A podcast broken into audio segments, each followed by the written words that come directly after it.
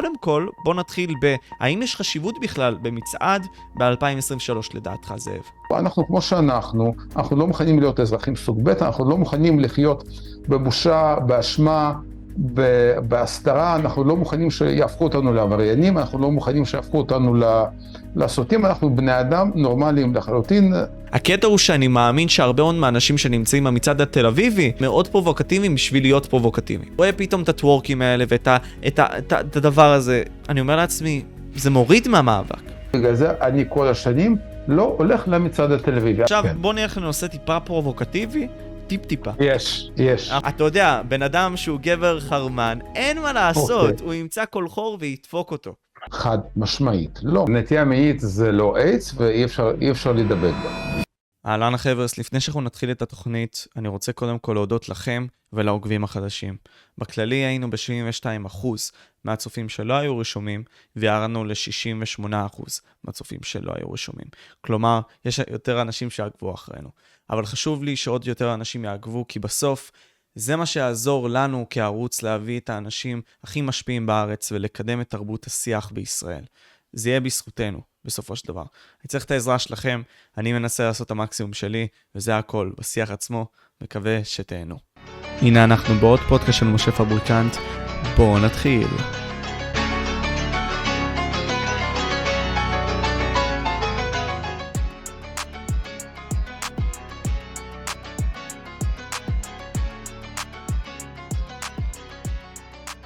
אהלן צופים, מה נשמע? כאן משה פבריקנט איתכם בעוד שידור ונמצא איתנו בפודקאסט השני שאני עושה איתו ביחד, זה שוויידל.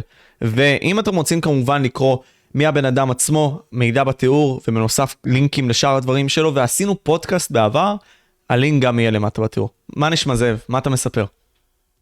אהלן משה, טוב, טוב לראות אותך, טוב להיות פה שוב, ושיהיה לכולנו חודש גאווה שמח. אז זהו, תקשיב, בתחילת השידור, לא היה לי בעיה באמת שתשים את זה, רצית לשים מאחוריך את דגל כן. הגאווה עם מגן הדוד. ואני עם רוצה... עם מגן ל... דוד, נכון. כן, עכשיו, נכון. עכשיו זה מאוד מעניין אותי במישור האישי, מה ניסית כביכול להעביר בזה, כי זה, אתה לא היחיד שראיתי את זה אצלו, יש לי mm-hmm. עוד uh, חבר בשם דניאל עמרם, שגם אצלו יש את זה בחדר. מה זה מסמל מבחינתך? מבחינתי אה, זאת, אה, זאת אה, שאלה מצוינת. אני חושב שלסמל הזה יש אולי משמעות קצת שונה בארץ ובחו"ל. בחו"ל הוא מסמל, הוא מסמל את, ה, את הלהט"בים היהודים שחשוב, שחשוב להם להדגיש את העובדה שה, שההזדהות הלהט"בית שלהם לא סותרת את ההזדהות היהודית. בארץ זה אולי יותר סמל שמסמל את הקהילה הדתית הגאה. שאני פעיל בה הרבה מאוד שנים. אם תרצה אולי, אולי בהמשך, כשנדבר על כל מיני התפתחויות פוליטיות בקהילה הגאה, אני, אני אספר לך על איזשהו מקרה מעניין ש, שקרה עם הדגל הזה לפני כמה שנים. מצוין. בחו"ל. כל, נקודה אחת שאנחנו יכולים ללכת ממנה זה כל העניין הזה של המצעד וחודש הגאווה כשלעצמו. עכשיו, בגישה האישית שלי ושל כמה מהאנשים שאני מכיר והקהל שלי, העניין הזה של חודש הגאווה הוא עניין מאוד uh, מעניין וכחלקו גם פרובוקטיבי. הרבה מאוד אנשים לא מבינים בעצם למה יש את הצורך בחודש של גאווה. אז אם אתה יכול להסביר באמת למה יש את הצורך הזה, מה בעצם החודש גאווה מנסה להעביר, אני אשמח לשמוע. מעולה. אז זה קשור בעצם לה, להיסטוריה של, ה, של הקהילה הגאה. בין היתר, בין היתר גם, גם, גם סיבה לזה שאנחנו מציינים את חודש הגאווה ביוני ולא, ב, ולא בחודש אחר. אז למעשה זה, אני רוצה לקחת אותך לשתי נקודות בזמן, לשנת 1969 ולשנת 1998. בשנת 1969 קורה מפנה מאוד מאוד חשוב בהיסטוריה של הקהילה הגאה בארצות הברית, כי עד אז להיות הומוסקסואל בארצות הברית זה בין היתר עבירה על החוק. שזה אומר שכשבן אדם יוצא לבר של גייז, וברים של גייז היו בארצות הברית הרבה מאוד זמן, לפחות, מ, לפחות משנות ה-40, כשבן אדם יוצא לבר של גייז בשביל להכיר שם מישהו, המישהו הזה עלול להיות שוטר סמוש שיכול פשוט לקחת אותו ולהכניס אותו לניידת והוא יבלה לילה במעצר. והניידות של, של שוטרים היו פשוט אה, מסתובבות, מסתובבות בין הברים של גייז ו- ופשוט עוצרות אנשים על עצם, על עצם היותם גייז שהולכים לברים, לברים או למסיבות בשביל להכיר גייז אחרים. ואז יום אחד ב- ביוני 1969, כשבאחד הברים בוושינגטון, ששמו היה סטונוול אין, היה ערב לזכרה של השחקנית והזמרת ג'ודי גרלנד, גם, גם היה סיור של שוטרים והם באו לשם במטרה לעצור את האנשים שנמצאים שם. אבל כאן בפעם הראשונה אה, הומואים ולסביות שהיו שם החליטו להגיב אחרת. הם התחילו להכות שוטרים, הם הפכו את הניידת, הם התחילו להתנגד. לאלימות המשטרתית הזאת ובעצם יצאו ב... בעצם בצעדה ספונטנית. לרחובות כדי למחות נגד האלימות המשטרתית. מהבחינה הזאת ההתחלה של מחאת הקהילה הגאה הייתה מחאה נגד אלימות משטרתית שמהבחינה הזאת היא אולי קצת דומה לתנועת BLM בתחילתה. כן, אפשרי להגיד שזה כביכול הסלף דיפנס שמלקום אקס בא ודיבר עליו, כביכול כן, להגן כן. מהתקיפה המשטרתית, אנחנו נבוא ונתקיף עכשיו. כן, כן. עכשיו, מה שקרה שנה אחרי זה, ב-1970, זה שההומואים והלסביות פשוט אה, יצאו בצד, בצ, בצעידה מאורגנת, בהפ, בהפגנה, בהפגנה ברחובות, בכמה ערים בארצות הברית, כדי אה, פשוט להנכיח את עצמם במרחב הציבורי באופן לגיטימי. הם אמרו, אנחנו, אנחנו כמו שאנחנו, אנחנו לא מוכנים להיות אזרחים סוג ב', אנחנו לא מוכנים לחיות בבושה, באשמה, בהסתרה, אנחנו לא מוכנים שיהפכו אותנו לעבריינים, אנחנו לא מוכנים שיהפכו אותנו לסוטים, אנחנו בני אדם נורמליים לחלוטין, כמו כולם, ואנחנו, ואנחנו דורשים שוויון זכויות וקבלה חברתית. בעצם זה היה מצעד הגאווה הראשון. ב-1969. 1969 זה היה, זה היה הצעדה הספונטנית בעקבות, בעקבות, בעקבות האלימות המשטרתית, okay. אוקיי. וב-1970 שנה אחרי זה, בעקבות זה, בעקבות זה זה היה כבר לא צעדה ספונטנית אלא מצעד מאורגן. המצעד המאורגן הזה כדי להראות שאנחנו לא צריכים לחיות בסתר, אנחנו נכון. יכולים להיות גם אנשים לגיטימיים, לבוא ולעשות את הדברים שלנו, וזה הכל, ולקבל הערכה נכון. של בני אדם. נכון, אוקיי. נכון, נכון, נכון. יפה. עכשיו, ועכשיו אני, אני מדייק איתך בזמן ולוקח אותך לשנת 1998 בישראל. כי בישראל זה, זה התחיל באיזושהי נקודה אחרת, אבל כן היה בה מצד שני דמיון מסוים. אז ב-1998 קורים שלושה דברים. ב-30 לאפריל מדינת ישראל מציינת את יום העצמאות החמישי. ב-9 למאי 1998 דנה אינטרנשיונל זוכה באירוויזיון עם השיר ויבה, עם השיר דיבה. אוקיי. ויבה, ויבה לדיבה. ב-26 ליוני 1998 נערך מצעד הגאווה הראשון בתל אביב. שהוא רוצה, רוצה בעצם לפעול לפי אותו רעיון של מצעדי הגאווה בחו"ל, שלנו, להורים ולסביות, יש זכות לגיטימית להיות נוכחים במרחב הציבורי. אבל בגלל שיש לנו עכשיו כזאת כוכב, כוכבת בינלאומית גדולה, דנה אינטרנשיונל, זמרת טרנסג'נדרית שזכתה באירוויזיון, והיא גם, למה הזכרתי את יום העצמאות? כשהיא חזרה לארץ היא אמרה, אני הבאתי למדינה שלי מתנה ליום הולדת 50, ואז כשהיא הפכה להיות באמת כוכבת כל כך גדולה, אז היא הייתה גם באופן טבעי כוכבת, כוכבת המצעד הגאווה הראשון בתל אביב. ועכשיו רק כדי שתבין כמה אפילו בתל אביב הליברלית ב-1998 היינו במקום מאוד מאוד אחר, השוטרים שבאו לאבטח את המצעד באו עם כפפות ארוכות, כי ב-1998 הם פשוט פחדו מאיידס. אז, אז בוא ניקח את זה לשם לפני שאנחנו נחזור לזה שוב. כלומר. יש את נגיף האיידס הזה ש... בוא תכף נדבר עליו, אבל פתאום מתו ממנו הרבה מאוד אנשים שהם גם גדולים בתחומים שלהם, בין אם זה פילוסופים כמו מישל פוקו, ובין אם נכון. זה זמרים כמו פרדי מרקורי, למי שלא מכיר נכון. מקווין. נכון. אז לפתע זה בא והתפרץ, אנחנו תכף נחזור ל-1998 שוב לתל אביב.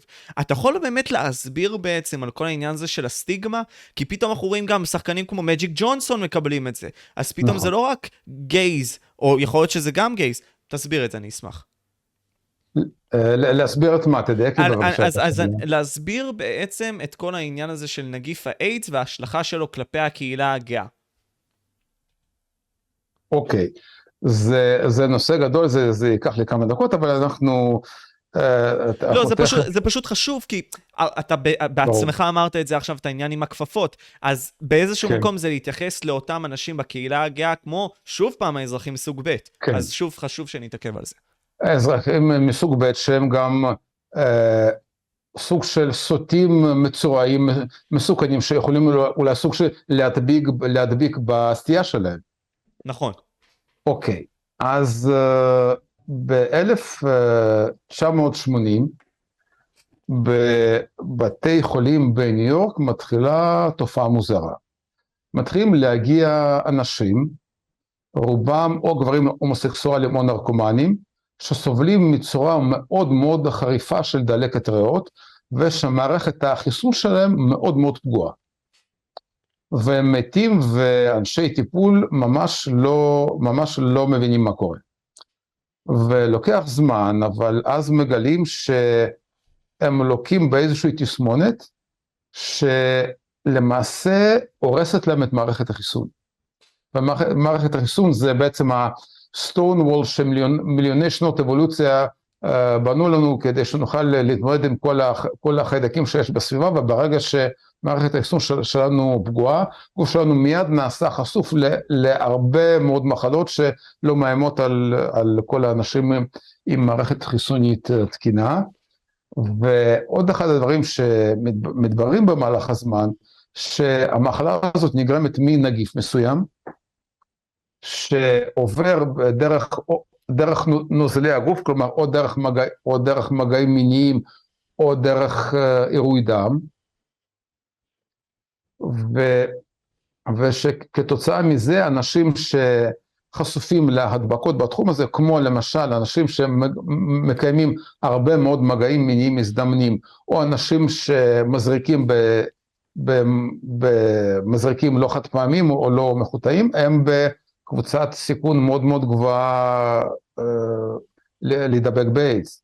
עכשיו, בגלל שבאותה תקופה, בטח בקהילה של הגברים המסוקסואלים העירוניים, היה מאוד מקובל להיות עם הרבה מאוד, הרבה מאוד פרטנרים מיניים ו- ומזדמנים, ו- ולא בצורה מונוגמית, וכל מיני מגעים מיניים אנונימיים, בין אם זה בפארקים ובין אם זה בסאונות. אז, אז הגברים ההומוסקסואלים היו בהחלט ב... בקבוצת, בקבוצת סיכון גבוהה להידבק, ב, להידבק במחלה. ובגלל זה זה נהיה איזושהי סטיגמה שכאילו איידס זה מחלה של הומואים או מחלה של גייז, כמובן שזה לא ככה.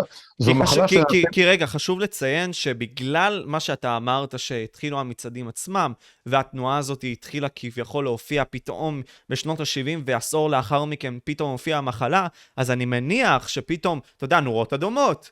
דבר כזה לא יכול לקרות, זה בגללם, ובגלל נגיד סתם שמועות שמגיעות מסן פרנסיסקו וכל מיני מדינות אחרות שיש שם. מלא מין, מלא מין של הומוסקסואלים. אז אה, לדעתי זה משם מגיע, בסופו של דבר, החשש הזה. זה, זה מגיע בין היתר משם, אבל שוב, אה, כשבהתחלה כשהמגפה הזאת קורית זה משהו באמת מאוד מפחיד.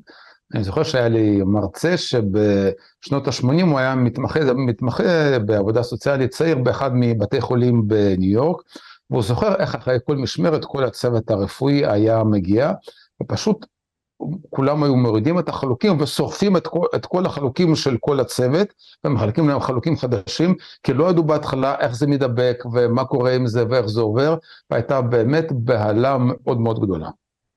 אז בסופו של דבר הגענו למקום שאנשים, גם בגלל שהמדביקים הראשונים כביכול היו הומוסקסואלים, אז... רובם. רובם, רובם, נכון.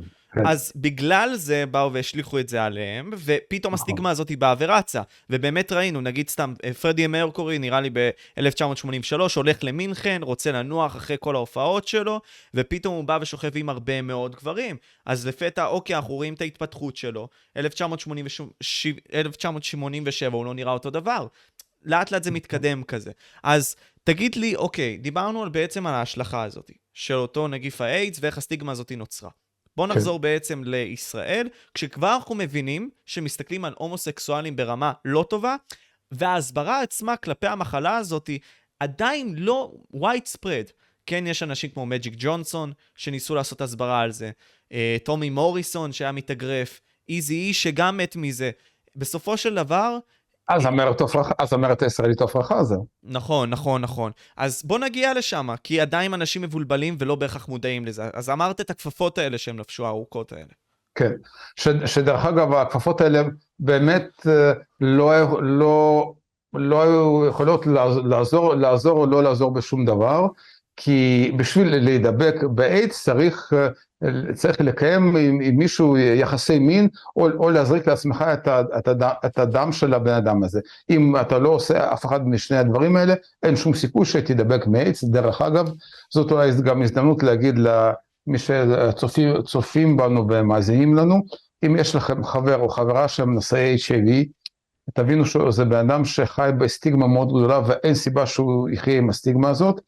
אין שום בעיה ללחוץ לו יד, אין שום בעיה לתת, לתת, לו חיבוק, אין שום בעיה להפגין קרבה פיזית כלפיו, אין שום סיכוי שאתם תדבקו מזה, והוא, והוא ירגיש שאתם, שאתם uh, קרובים אליו, כי, כי אין שום סיבה שהוא ירגיש את, ה, את הסטיגמה הכל, הכל כך גדולה ואת, ה, ואת הפחד שיש ממנו. מסכים.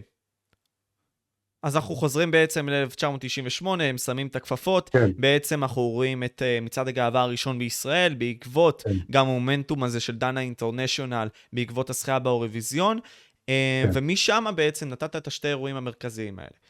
אוקיי, מעניין אותי אז, אנחנו נמצאים ב-2023, אני כמובן שקופץ, אני אישית מסתכל על זה ככה, וגם הרבה מאוד אנשים, בזה שכן, יש חשיבות אולי למצעד, הקטע הוא, בוא נחלק את זה עכשיו לשני גורמים. קודם כל, האם, מה, מה העניין במצעד היום? האם יש לו חשיבות? ואיך הוא מנוהל בכללי? שזה גם דרך הסתכלות כלשהי שבוא נדסקס אותה, אבל קודם כל, בוא נתחיל ב... האם יש חשיבות בכלל במצעד ב-2023 לדעתך, זאב? ש... שאלה מצוינת. אז אני חושב שב-2023, קודם כל, אין דבר כזה מצעד, יש מצעדים שונים וכל מצעד הוא גם לובש אופי שונה בהתאם ל... לעיר שבה הוא נערך, בהתאם לתקופה, בהתאם למה שמקובל בכל מקום. למשל, למצעד הגאווה בירושלים, שמתקיים שם מ-2020, סליחה, מ-2002, מ-2002 הוא מתקיים, יש אופי מאוד שונה מהאופי התל אביבי, והאופי הזה גם הולך ו, ומשתנה תכ, בגלל אירועים שתכף אולי נדבר עליהם. נכון, אז, נכון, אז לכל מצעד יש את האופי שונה, למשל למצעד הירושלמי, מההתחלה קוראים מצעד לגאווה ולסבלנות. כלומר, מראש הכותרת שלו אחרת, אופי שלו תמיד היה אחר, עקב כל מיני אירועים שקרו במהלך המצעד, האופי הזה השתנה עוד ואולי אנחנו נדבר על זה בהמשך. אבל בעיניי למשל המצעד החשוב ביותר זה המצעד הירושלמי, א', בגלל שהוא קורה, קורה בירושלים, בבירת ישראל. גם בגלל ש... תראה, ב, בתל אביב, גם באמצע השנה, גם בחודש שהוא לא חודש הגאווה, אין קושי לראות גם דגלי גאווה וגם לצורך העניין זוגות גברים או זוגות נשים שהסתובבים יד ביד. בירושלים אתה לא תראה את זה, או כמעט לא תראה את זה באמצע השנה. לכן הצורך להנכיח את עצמנו בצורה לגיטימית במרחב הציבורי הוא מאוד חשוב, והוא מאוד חשוב דווקא בירושלים, בעיר שיש בה הרבה אוכלוסייה מסורתית, דתית, חרדית וכדומה, וגם כמובן בגלל שהעיר הזאת היא, היא, היא, היא, בירת, היא בירת ישראל, ועם כל, החש... כל החשיבות שיש לה, במיוחד לנו כ... כישראלים וכיהודים, אז, בש... אז בשבילי המצעד הירושלמי הוא המצעד החשוב ביותר. אין בעיה. עכשיו, כשאנחנו מדברים על חשיבות, זה מתפלג גם לעוד שתי, שתי נקודות. קודם כל, יש את העניין של האם, בעצם על מה נאבקים, על מה נאבקו, כלומר בתחילת המצעד, לבין mm-hmm. מה נאבקים עכשיו. אז בואו נתייחס לזה ואני אביא אחרי זה עוד נקודה נוספת. אז uh, תראה, למשל, uh, אתה יודע, אם היה נניח אה, חוק של השחורים אסור לצאת לרחובות, או ששחורים יכולים לצאת לרחובות אה, רק אחרי שעה מסוימת, שיכול להיות שבאפרטהייד של דרום אפריקה היו, היו חוקים אה, מעין כאלה. אז אתה יודע, כל שחור בעצם זה שהוא יוצא לרחוב היה, היה כאילו מפר את החוק הזה, כי בעצם זה שהוא יוצא לרחוב בתור בן אדם, בן אדם שחור, הוא כאילו מביע, מביע מחאה נגד, נגד, ה, נגד הניסיון להגביל את הזכויות שלו, או כמו שכשרוזה פארקר עלתה לאוטובוס והתיישבה שם מקדימה, בעצם ההתנהלות שלה היא, היא, היא, היא הפרה את החוק שאסר עליה בתור אישה שחורה לעשות את זה. אז כש... כמו שאמרנו, כשאדם שחור עושה את זה, בעצם ההימצאות שלו שם הוא מפר את החוק. כשאני הולך ברחוב, אף אחד לא, אף אחד לא יודע על הנטייה המינית שלי, ו, ו, ולכן אומרים לי, אומרים לי הרבה פעמים, זה וזה בסדר, אם אין לאף אחד אה, בעיה איתך, בתנאי שתהיה בארון, בתנאי שאנחנו לא, לא, לא נדע מי אתה באמת. כי, כי אתה סוטה, כי אתה חריג, כי אתה נגד הטבע, כי אתה זה, כי אתה פה, כי אתה שם, ובגלל זה הדרך שלנו כקהילה גאה להנכיח את עצמנו באופן לגיטימי במרחב הציבורי, זה ללכת, לצאת למצעד גאווה ולהגיד, כאילו, גם שם וגם, וגם בערוצים אחרים, אנחנו בני אדם, אנחנו אזרחים, אנחנו זכאים ל, ל, גם לשוויון זכויות אזרחי מלא וגם, ל, וגם לקבלה חברתית. בגלל זה גם המשפחות שלנו אה, מצטרפות אלינו למצעד הגאווה, החברים שלנו מצטרפים אלינו, אנשים שחשוב להם לתמוך בנו מצטרפים אלינו. אז בואו נסתכל על זה מההתחלה, כלומר מההתחלה כאילו, לפחות איך שאני רואה את זה, זה הלגיטימיזציה שלכם בכללי בתור קהילה גאה לבוא ולהיות. ו... בכללי שהחברה... מבחינת החוק, ו... מבחינת החוק ומבחינת החברה. נכון, מבחינת החוק ומבחינת החברה. עכשיו אני שואל 2023, האם אתה רואה שהחברה עצמה לא מקבלת? והשאלה השנייה, האם אתה רואה שהחוק לא מקבל אתכם במלואו? Um, התשובה היא, בחוק, לא, לא, רגע, אני אחלק את התשובה שלי ככה. בחברה המצב הרבה יותר טוב ממה שהוא היה, בחוק המצב הרבה יותר טוב ממה שהוא היה. האם יש בעיות גם בחוק וגם, וגם בחברה? התשובה היא כן וכן. אוקיי, okay, עכשיו... למשל, אני אביא באמת רק, רק דוגמה אחת. לרפורמה המשפטית שכרגע היא נמצאת במשא ומתן, יש פה, במידה והרפורמה המשפטית כמו שהיא הייתה מתוכננת במקור אה, תיושם באופן מלא, יש לה פוטנציאל גדול מאוד לפגוע בזכויות של כל, כל המיעוטים בארץ, כולל בזכויות של הקהילה הגאה. אבל זה לא משהו ספציפי, זה משהו כללי שבסופו של דבר כן פוגע במיעוטים. אבל אני שואל את זה כי אני בתור אדם שמסתכל על הכל אומר, למה אז יש מצעד שאני מבין את המקום שלו, מאבק בשביל כביכול שיוקירו בו, שייתנו לו את מה שמגיע לו והכל, למה צריך קודם כל חודש בשבילו? זה מעניין אותי בפן האישי. ומעבר לכך, אני לא רואה את הפתרון הזה של נגיד סתם הרבה מאוד אוכלוסיות אחרות שיעשו מצעדים וכל מיני כאלה. לא רואה את זה כפתרון מסוים, שהוא כזה יעשה את זה שווה. אני אומר לעצמי, אני לא מבין גם את העניין של המצעד עצמו כיום, אבל אני אשמח שגם תחדד לי את זה. על החודש עצמו ועל המצעד כיום. מצוין. אז אתה, אתה צודק בזה שמצעד הוא לא הדבר היחיד שהקהילה הגאה עושה למען למען קבלה חברתית. קהילה גאה עושה עוד הרבה מאוד דברים בחודש הגאווה, במשך כל ימות השנה, בלקדם חקיקה, בלקדם פתיחות חברתית, בלצאת מהארון באופן אישי בכל המקומות שאנחנו חיים ו... ו... ועובדים בהם. אגב, אחד הדברים ש... שאני עוסק ממש כרגע בשביל הקבלה החברתית הזה שאנחנו, זה שאנחנו מקליטים את הפודקאסט הזה. זה, זה, זה גם חלק מאותה עבודה, ושוב, תודה שאתה מאפשר את ההזדמנות הזאת, כי, כי זה, זה חשוב, זה קהל יעד חשוב, וחשוב לי גם להגיע ל, ל, ל, לקהל היעד הזה. אז, אז כמו שאמרתי, זה, זה חלק ממערך גדול מאוד של יציאה מהארון ו, ועידוד הפתיחות וה, והסבלנות בחברה.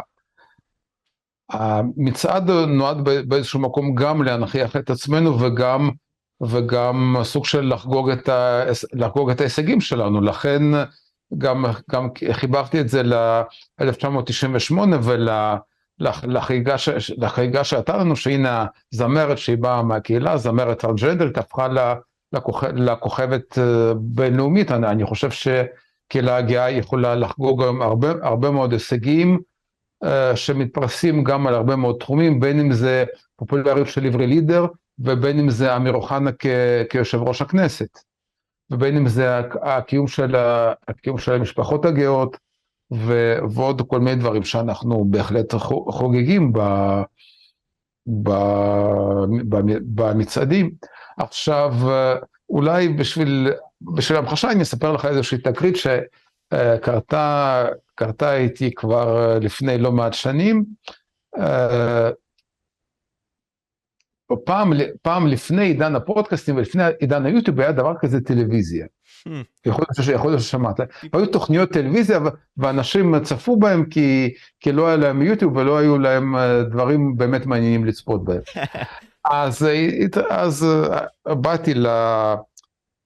הזמינו אותי אז לתוכנית ש, שנקרא, שנקרא הפוליטיקה, זה היה כזה טוק שואו, עוד הייתי חצי בארון, באתי לשם עם פאה בלונדינית ועם משקפי שמש וכיפה על הפאה בלונדינית, אתה נקרא מצחוק, לא משנה, ו, ו, ודיברתי על המצעד בירושלים ועל למה זה חשוב, ומולי היה עיתונאי חרדי ידוע בשם דודי זילברשלג, והוא כמובן אמר שזה מצעד שמחלל את עיר הקודש ומה פתאום וזה וזה. אבל הקטע המעניין היה אחרי זה. אחרי זה, וככה מאחורי הקלעים, דיברתי קצת עם דודי זילברשלג ועם אשתו, שגם איכשהו הגיע לשם, היא לא הייתה בתוכנית, אבל היא באה בשביל לפגוש אותו, לא יודע מה, וגם התחילה להגיד לי למה אתם צריכים את המצעד הזה, ולמה צריך את כל הדברים האלה, אז אמרתי לה, תשמעי, אם המשפחות שלנו, והחברים שלנו, והקהילות שלנו, וכל החברה הייתה מקבלת אותנו, יכול להיות שלא היינו צריכים את המצעד. היא כזה הורידה מבט ואמרה, טוב, יכול להיות שאתה צודק. והשנה, משה, במצעד הגאווה בירושלים, צעד יחד איתנו, הבן של דודי זילברשלג, העיתונאי מלך זילברשלג, הוא לא מהקהילה הגאה, הוא בא בשביל לתמוך ולהזדהות, אבל כן, הוא, הוא היה השנה יחד איתנו, כלומר, הוא, הוא, יכול להיות שהוא לפחות השתכנע. אין שום בעיה להגיד שבחברה עם... אה, שבה תהיה סבלנות מלאה של אף אחד לא יצטרך להיות בארון, ולאף אחד לא, לא, תהיה, לא תהיה בעיה עם עבודה, עבודה ותעסוקה, לאף הומו, לסבית, ביסוקסל וטרנסג'נדר, לא תהיה שום הגבלה בשום תחום חברתי. בעיניי זה מייתר לגמרי את המצעדי גאווה. כי אני אגיד לך מה אני... בגלל זה אגב, בגלל זה אגב, אני, אני בדעה של, שלמשל היום, מצעד גאווה תל אביבי הוא מיותר במידה רבה ומצעד ירושלמי חשוב הרבה יותר ממנו. אז אני אבוא ואכנס לזה, אני אגיד שאתה יודע, כשנגיד חוגגים יום הולדת לילד אחד בכיתה, כן. אה, ולכל שאר הילדים לא, בצד שלי, אתה יודע, זה, זה אומר שוואלה, הוא מקבל special treatment והוא שונה ממני באיזשהו מקום. ולמה הוא באמת שונה ממני? וזה איך שאני באמת מסתכל על מצעדים באיזשהו מקום, כי, אתה יודע, אני, אני חי בעולם, לפחות בישראל, כן? זה לא כמו פעם. סתם דוגמה, ואני לא מסתכל רק על הקהילה הגאה. נגיד, אה, בעבר היה את כל השיח של המרוקאים והאשכנזים, שעדיין בפוליטיקה משתמשים בו בשביל אה, רייטינגים וכל מיני כאלה. אבל תכלס, אני אומר לך, כאילו, לי זה לא משנה אם הבן אדם האחר הוא מרוקאי, ולהרבה מאוד מהאנשים בגיל שלי. אנחנו צברים, נולדנו פה והכל. עכשיו, אנחנו נולדים למציאות, כמו שאתה בטח מבין וחווה, שזה כבר לגיטימי, זה כבר בסדר. כלומר, אני אומר אפילו שיש במצעדים האלה, כמו בתל אביב... בדור, בדור, בדור הצעיר זה הרבה יותר נכון. אחרי שתסיים אני אספר לך איזה משהו, ש... איזשהו סקר שהיה באינטרנט, כן. אז זה בדיוק, אז, אז אתה גם אמרת על העניין הזה של תל אביב, ומבחינתי, אתה דיברת על זה שהמצעד בירושלים הוא בסדר, וגם אני מסכים בסופו של דבר, המצעד הזה הוא בכלל לא רע.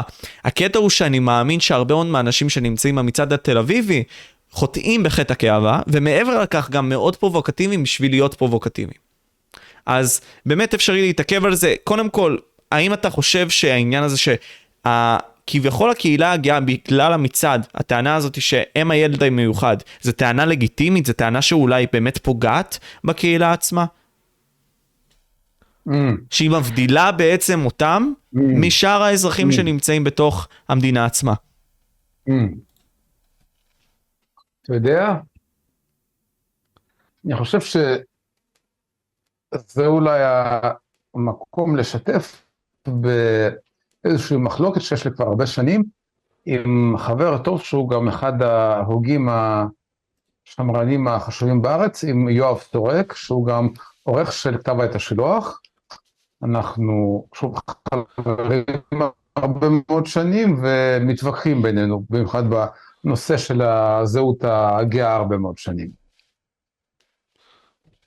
כמובן שאני צודק בוויכוח שלנו, אבל שיואב חושב שהוא צודק, אבל ברור שאני צודק. לא משנה.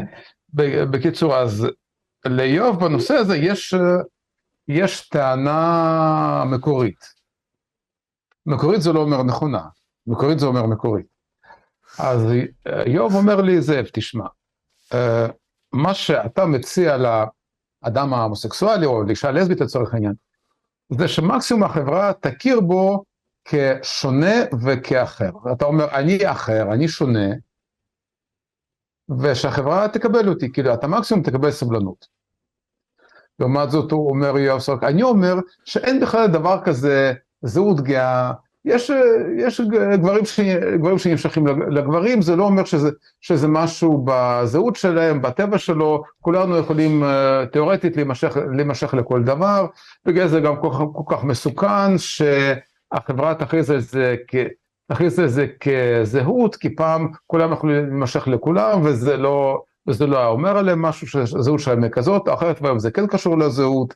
ובקיצור, אז מה שיואב סורק אומר לי זה שבעצם ב, בהצעה שלו הוא כאילו הופך את כולם לנורמליים, וכמו שאתה אומר, לא צריך לחגוג את היום הולדת לילד הזה, לילד הזה המיוחד. הוא אומר לי, זאב, אתה, אתה כאילו מספר לעצמך שאתה מיוחד, אבל, אבל, אבל בעצם אתה כמוני. כן. ואני, ואני אומר לו, יואב, זה בדיוק העניין, אתה טועה. אני דומה לך מאוד, אבל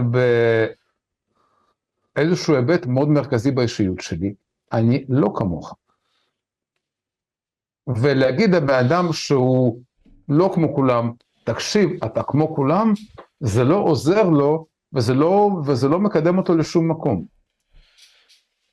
ו, ואני אגיד לך, למשל, לפני כמה שנים התפרסם ספר שהיה מאוד מאוד משפיע והיכה גלים בקהילה הגאה בכל העולם, ספר שנקרא Velvet, Velvet Rage, הזעם הסגול, שפסיכולוג פסיכולוג גיי כותב שם על כל מיני אתגרים והתמודדויות שיש למוסקסואלים, הוא מדבר על הגברים, הגברים הגייז. בחברה העכשווית, בחברה שכבר אין כל כך הומופוביה, אבל אז למה להרבה אנשים עדיין קשה לקבל את עצמם, ולמה הרבה מהם חיים עדיין עם איזשהו זעם פנימי, והתת כותרת של הספר אומרת איך להיות גיי בעולם של סטרייטים. וזאת, וזו, זה מהות הדבר, וזאת האמת, אני לא כמו כולם, אני גיי בעולם של סטרייטים, וזה, וזו תודעה שנחתה עליי בגיל מסוים, והייתה קשה, והייתה אולי אפילו טרגית במידה מסוימת, ו, ו, ולקח לי זמן לקבל את עצמי, ולקח לי זמן אולי קצת להתאבל לזהות שחשבתי שזה אני, והתברר שאני לא. וברגע שאני עשיתי את כל המהלך הזה, אני יכול לחיות באמת חיים טובים, בחיים שמחים, בחיים מספקים, כגיי, בעולם של סטרייטים, כמיעוט, בעולם ש, שהרוב הוא, הוא, לא, הוא לא, לא כמוני, וללמד ולהסביר את הרוב שככל שהרוב מקבל ומכיל את המיעוט, זה טוב יותר לרוב וזה טוב יותר למיעוט. וזאת המשימה שלי, וזאת גם המשימה של המצעדים, של כל הדברים שאנחנו עושים. אז בסופו של דבר אתה בא ואומר, אוקיי, אני חושב שזה חשוב להציג את זה בפרונט. כלומר, אני בן אדם שיש לו את הצרכים X, אתה בן אדם עם צרכים Y. בהתאם לכך, אני צריך לבוא ולקבל את הצרכים שלי, שאני אחיה בצורה מכבדת, טובה, אני בן אדם וכל מיני כאלה, ומעבר לכך, המצעדים האלה משאירים את הדבר הזה, את המלחמה הזאת עדיין קיימת. כלומר, זה מין סוג של הלפיד שלי במערה. ככה אני מבין. נכון, נכון, ועכשיו, את המצעדים חשוב לנהל בצורה שהם, בצורה שהם ידגישו את המשותף ולא את השונה. את המחבר ולא את המתריס.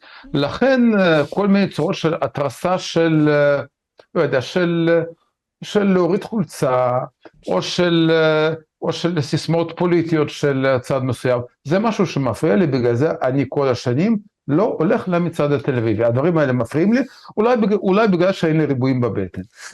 אני אגיד לך משהו, כלומר, זה לוקח אותי לחטא ההיבריס ולמישל פוקו, כלומר, כל העניין הזה של כוח כקונספט, כלומר, להשתחרר מהשלשלאות ואז אתה חופשי, כלומר, כל דבר שעושה לך אופרס, אתה צריך לבוא ולהתנתק ממנו ולהשתחרר ממנו בשביל להיות אדם חופשי. באיזשהו מקום אני רואה את המצעד התל אביבי, שהוא לוקח את זה, אה, כמו שאומרים באנגלית, אה, בשפה הסלנגית, way too far, יותר מדי רחוק, ובכך פוגעים בכל אותם אנשים שמגיע להם, שכלומר, שנלחמים בזה כדי פשוט לחיות, לא כדי לעורר פרובוקציה, לא כדי לעשות את זה שונה. מצד שני, אנשים יבואו ויגידו לי, זה מה שמושך את העיניים, הפרובוקציה הזאת. הפרובוקציה הזאת נותנת הלגיטימציה. אם לא פרובוקציה, מי ישים אליי לב? אז כן אני אבוא וארקוד ויעשה טוורק על הבמה. אז כן אני אבוא ואהיה עם ציצי כמעט עוד שנייה בחוץ, ועם סטרפון על הזה. אז כן. אז איך אתה מסתכל על זה? אז, אז אני אגיד לך עוד משהו. אחד הדברים שמנעו ממני, ומאוד הרבה הומואים ולסביות דתיים, מסורתיים, שמרנים, מייסטרימים לקבל את עצמם, כל השנים היה מצעד הגאווה התל אביב.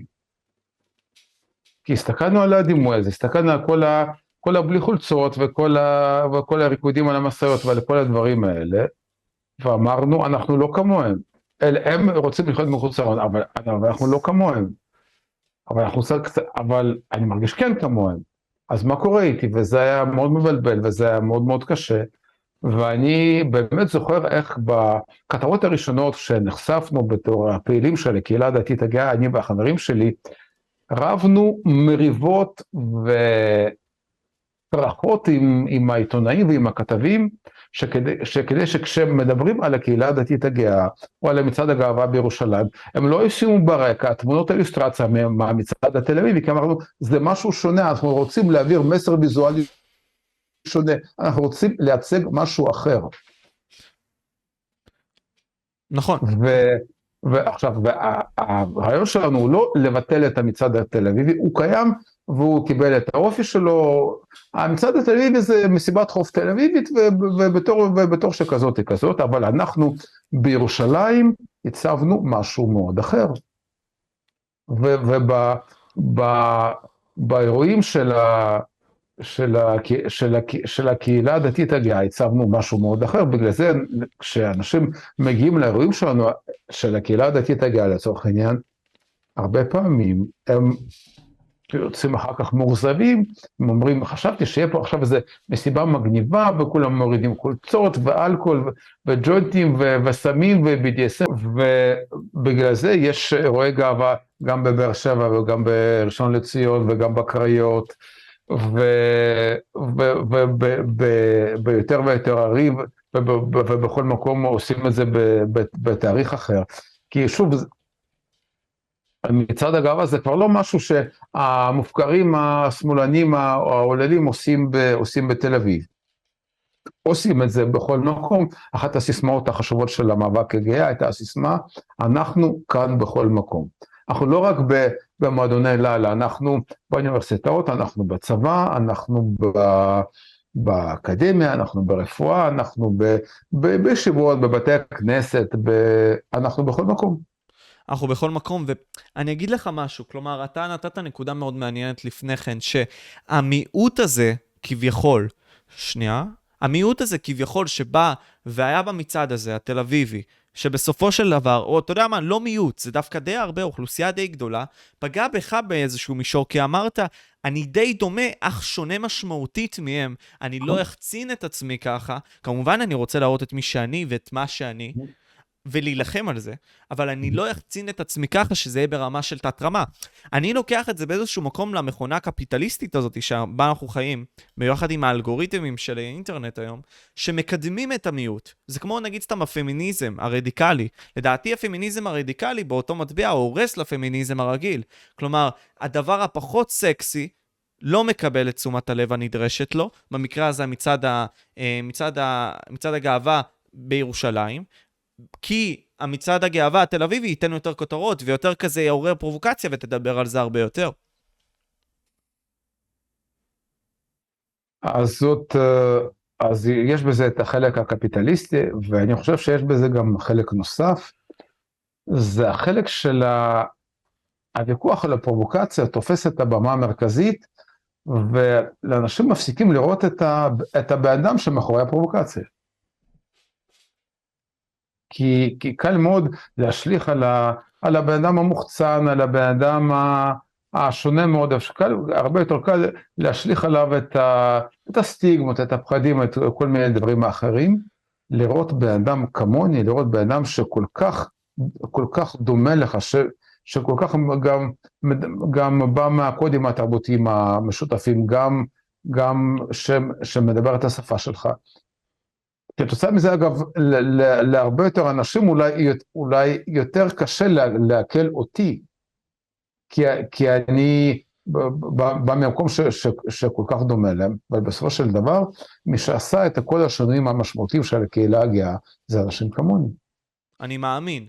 אה, אבל שוב, אני אבוא ואגיד שגם העניין של הפרובוקציה, הוא נתן את העיניים. בסוף גם, אנשים מסתכלים על הקהילה הגאה, ואני יודע את זה כי אני רואה את זה מסביבי, שהם נתפסים על המצעד הגאווה התל אביבי ונותנים דה-לגיטימיזציה בעצם לכם, כקבוצה מסוימת, מהסיבה הפשוטה שאתם מחצינים את עצמכם, אומרים כזה, אוקיי, ילדים צעירים יבואו ויראו את זה, וזה ישפיע עליהם בסופו של דבר. כלומר, עם כמה שהמאבק הזה כביכול הוא מאבק עם מטרה טובה, היא נפגעת ונכווית בגלל הפרובוקציה הזאת. ש... תקשיב, אני אגיד לך את האמת, כלומר, אני חושב שהמאבק הזה הוא מלא חמ... הוא יפה ומלא חמלה, כלומר, לבוא ולהילחם על דברים כאלה. אבל אני רואה פתאום את הטוורקים האלה ואת ה... את ה... את ה... את הדבר הזה, אני אומר לעצמי, זה מוריד מהמאבק. אני, אני מסכים איתך, ובגלל זה חלק גדול מהעבודה שלי ושלנו, של הפעילים הגאים היותר ליברליים, שמרנים מיינסטרימיים, זה להעמיד חלופה. והחלופה היא המצעד הירושלמי. המצעד הירושלמי ובכלל כל השיח הגאה ש... אה, שמדבר על הדברים שדיברתי עליהם גם, ב, גם בפודקאסטים אחרים, תראה, בכל תנועה לשוויון, כל תנועת מיעוטים, יש את הזרם היותר ליברלי, מיינסטרימי, וזרם יותר, זרם יותר רדיקלי מהפכני. וההתחלקות לזרמים האלה תלויה בשאלה עד כמה אני מאמין שאפשר לתקן את המבנה החברתי הקיים, לתקן, לשפר, להרחיב, או שאפשר רק להרוס אותו. כן. ואם אני, אני מאמין ש... אה, שהמבנה החברתי הקיים הוא, הוא, הוא, חסר, הוא חסר תקנה, ברור שאני, שאני ארצה להרחיב, להרחיב. אם אני, בואו נחזור רגע לדוגמה שהתחלתי לדבר, לדבר ממנה. אם אני רוצה לעשות uh, צעדה אזרחית מכובדת וטובה, אבל אני רואה ששוטרים באו עם כפפות, שמתייחסים אליהם כמו לאיזה סוטה מלוכלך. לא, לי באופן אישי אולי לא, אבל להרבה אנשים זה עושה חשק דווקא לעשות פרובוקציה לשוטר הזה, דווקא, לא יודע מה, להוריד, להוריד את המכנסיים ואת התחתונים מולו ולהגיד, אתה, אתה חושב שאני סוטה, נק לפרצוף שלך. אוקיי. כאילו, זו תגובה ש, ש, ש, שמגיעה לתגובה הנגדית, אבל בעיניי המאבק האמיתי הוא במישור אחר, והשוטר הזה הוא פשוט הוא, הוא, הוא שם כפפות לא בגלל שהוא הומופוב ולא בגלל שהוא שונא אותי, אלא בגלל שהוא פשוט לא יודע ולא מבין ואני צריך להסביר לו. אנחנו דיברנו לפני גם טיפה על העניין של קבלה על פי חוק וקבלה חברתית בעצם, וזה מה שהקהילה הגאה מנסה להשיג בסופו של דבר, נכון? כלומר, כמה שיותר. עכשיו תסביר לי, איך אתה רואה את האידיאל, לפחות מאיך שאתה רואה את הקהילה הגאה, מה האידיאל החברתי שהיא רואה לעצמה. האידיאל החברתי, ואגב, ואני חושב שברוב המדינות המפותחות וגם בישראל, במידה רבה מאוד השגנו את האידיאל הזה, מבחינה חברתית אני מדבר כרגע, לא מבחינה חוקית. למשל, אני, אני חי היום ב, ב, בחוג החברתי שלי, שאני לא מסתיר את הנטייה המינית שלי מאף אחד. היא לא מהווה שום אישו משום בחינה. אני, כולם יודעים שאני נשוי לבן זוג שלי, ברור שאנחנו חלק מהמשפחות אחת של השני, משפחות המורחבות, ברור שכשמזמינים אותי, אותי לאיזשהו אירוע חברתי, מזמינים אותו ביחד, ביחד איתי ואחד ההפך. כלומר, אנחנו, לצורך העניין, היחס אליי ולבן זוג שלי לא שונה במישור החברתי מהיחס לאחי ולאשתו. אוקיי, ופה אני גם אחדד אז את השאלה, אוקיי, יש את הצורה של אתה יוצא ברחוב, ועכשיו הורים, נגיד כמו הורים שלי, סתם דוגמה, שאומרים, אוקיי, לא הורים ספציפית שלי, אלא הורים בכללי שבאים ואומרים, אוקיי, ת, תתנשקו לא בבית, תעשו את הדברים שלכם במיטה וכל הדברים האלה. אוקיי. האם אתה חושב שהדברים האלה עדיין כביכול קורים במישור המרכזי, כלומר בארץ ובחו"ל מבחינתך? כלומר שכביכול זוגים שהם גאים לא יכולים או כן מקבלים הערות או כן מעירים להם על כל העניין הזה של להתנשק בחוץ או שזה כבר לא קורה? כי אני אישית לא יודע, אני פחות רואה את הדברים האלה. Mm, משה, איפה אתה גר? אני גר באשקלון, פריפריה. אתה גר, אתה גר באשקלון, מעולה. לא בעיר הגדולה, תל אביב. אוקיי. אני גרתי כל השנים בפתח תקווה, עכשיו אני גר בראשון, אז אל תהיה, כאילו, אל תהיה נבוך. אמ, אז, אז בוא נשאל אותך, כמה זוגות גברים שמחזיקים ידיים יוצא לך לראות כשאתה מסתובב במוצ"ש בטיילת של אשקלון? לי, קשה לי לענות לך על זה, אני לא רואה כמעט. אם בכלל, אני לא זוכר בפעם האחרונה מתי ראיתי. אומר לך אוקיי. זאב. אוקיי, אז יכולים להיות לזה שני הסברים. אחד, אין הומואים באשקלון. מעניין. אה, שתיים, זוגות של גברים באשקלון מעדיפים מאוד לא להחזיק ידיים כשהם הולכים על הטיילת באשקלון. ואיך אתה רואה את זה בפן האישי? כלומר, האם באידיאל שלך כבן אדם זה דבר שאמור לקרות? של, שלא תהיה שום בעיה, ש, ש, ש, שזוג גברים יחזיק ידיים בטיילת בתל אביב, בראשון, באשקלון, לא, בפתח תקווה, ברחובות, בקריות, בירושלים. כי אני אגיד לך איפה אני רואה את זה. כלומר, זה בדיוק הנושא, לדעתי, החם שיוצא מהשיח עצמו של הקהילה הגאה. שהוא נושא מאוד טאבו. נושא שהרבה מאוד אנשים מפחדים לגעת בו ולא יודעים איך לבוא ולאכול אותו, ואנחנו בשנים האחרונות רק מנסים לבוא ולגשת אליו. זה הנושא הזה של חינוך במערכות okay. אוקיי. החינוכיות, נהדר. ומעבר לכך, גם התוצאה. של זה. כי אם הרי אנחנו מחנכים בכור ההיתוך הזה, סתם לדוגמה, אה, שהדברים האלה הם לגיטימיים והם בסדר, אז כנורמה חברתית הם יהיו בסדר. ומעבר לכך גם, אני אבוא ואתן גם גישה חינוכית לגמרי אחרת, שקורית היום, שהיא שונה מהאופי של פעם, שזה האלגוריתמים, שזה הטיק טוקים, יוטיובים למיניהם, שאין גם להורים בהכרח שליטה עליהם, כל עוד הם לא ייקחו את זה מהילדים שלהם. אז נניח, אם אני מרגיש, סתם לדוגמה, בגיל 6, שיש לי את הזיקה הזאת לקהילה ההומו-לסבית, או whatever, אני בא ורואה את זה. אז אני רואה את זה כלגיטימי, ואז זה כאילו מחנך אותי. אז בוא ניגע בזה, זה מאוד מעניין, כי הרבה מאוד אנשים מפחדים לגעת בזה. מה אנחנו עושים? איך צריך להתייחס לזה? מעולה, מעולה. אז, אז נטייה מינית זה לא איידס, ואי אפשר, אפשר להידבק בה. אמ, נעשה, נעשה בנושא הזה מחקר לפני כמה שנים, כי חוקרים יודעים ש... לרש, לרשתות חברתיות יש, יש השפעה על בני נוער בהרבה מאוד תחומים. אני רק, רק אסייג את זה, בתחילת, לפני תחילת השיחה שלנו אמרנו שאני הולך לדבר עכשיו על אוכלוסייה של הומואים ולסביות, ואני לא הולך לדבר על טרנסג'נדרים. אם תרצה שבפודקאסט אחר נדבר על טרנסג'נדרים, ונדבר על זה ש... בשנים האחרונות יש טענה שאולי לגבי חלק מהנוער עם זהות מגדרית מגוונת, יש, קיימת הדבקה חברתית דרך רשתות חברתיות, ועל המחקר של ליסה ליטמן, אם תרצה שנדבר על זה, אנחנו נדבר על זה, על חלק מהדברים האלה דיברת עם טל קרויטורו, אה, לא כרגע. זה לא, לא, לא רוצה כרגע לגעת בזה, זה תחום אחר. למרות שגם אבל... אני, אני אבוא ויוסיף לזה, כן. זה לא קשור למימד של הטרנסג'נדר. כן.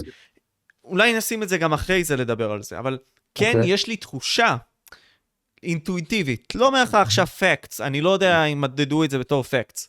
אוקיי. Okay. שגם משיכה כשלעצמה, היא כביכול, אני לא אגיד נדבקת, זו מילה מאוד גדולה, אבל מושפעת על אותם אנשים, ואני אסביר.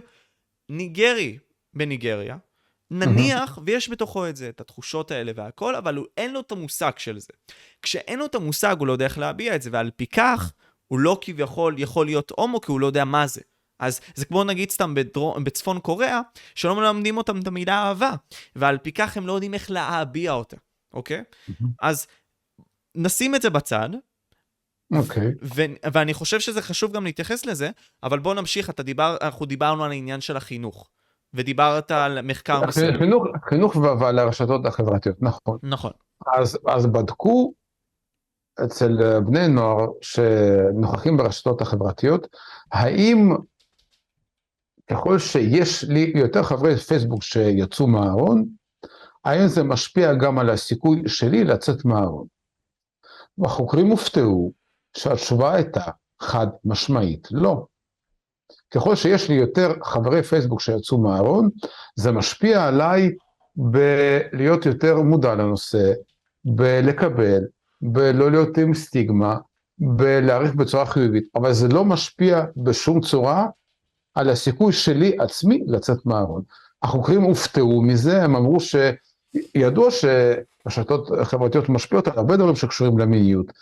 גם אם זה על, הג... על הגיל של המגע המיני הראשון, אם זה מין מוגן או לא מוגן, אבל הנטייה המינית, התברר שזה לגמרי לא משפיע.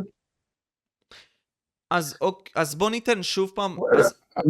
משה, אה, רגע, רגע ברשותך, אני רוצה להגיד אבל על זה עוד משהו, וזה קצת מתחבר לפודקאסט הקודם, שדיברנו על כל הנושא של הפורנו והווירטואליזציה של חיי המין. למיניות של דור ה-Z, ולחיבור שלו לרשתות החברתיות קורה משהו שכולנו עוד לא מספיק מבינים. וחלק מהאי ההבנה הזאת זה שבגלל שחלק מאוד גדול מאוד מהזהויות בכלל נבנה לא באינטראקציה עם אנשים אחרים, אלא בצורה וירטואלית, וכל הזהויות עוברות וירטואליזציה, אני לא חושב, אני לא חושב שיש ב, בדור הזה הרבה יותר הומואים ולסביות, אבל הרבה יותר אנשים מגדירים את עצמם כקווירים, כהבינאריים, כמשהו בין לבין לבין לבין לבין, מה זה אומר על הזהות שלהם ואיך זה מתקשר עם העולם הווירטואלי ואיך זה מתקשר עם העולם האמיתי. כולנו יודעים על זה מעט מדי, כולנו היינו רוצים לדעת ו... ולהבין על זה הרבה יותר. אז בוא, באמת, אז זה חשוב לי לבוא ולהרחיב על זה, אולי נחזור למערכת החינוך אחרי זה, פשוט מאוד חשוב. אני רואה את זה, שוב פעם, בתחושה האינטואיטיבית שלי, שהרבה מאוד אנשים, לפחות צעירים, אתה יודע, אני רואה את כל הסקאלה של כל הצופים שלי והכל, יש הרי את הפייזים האלה כשאנחנו גדלים והכל.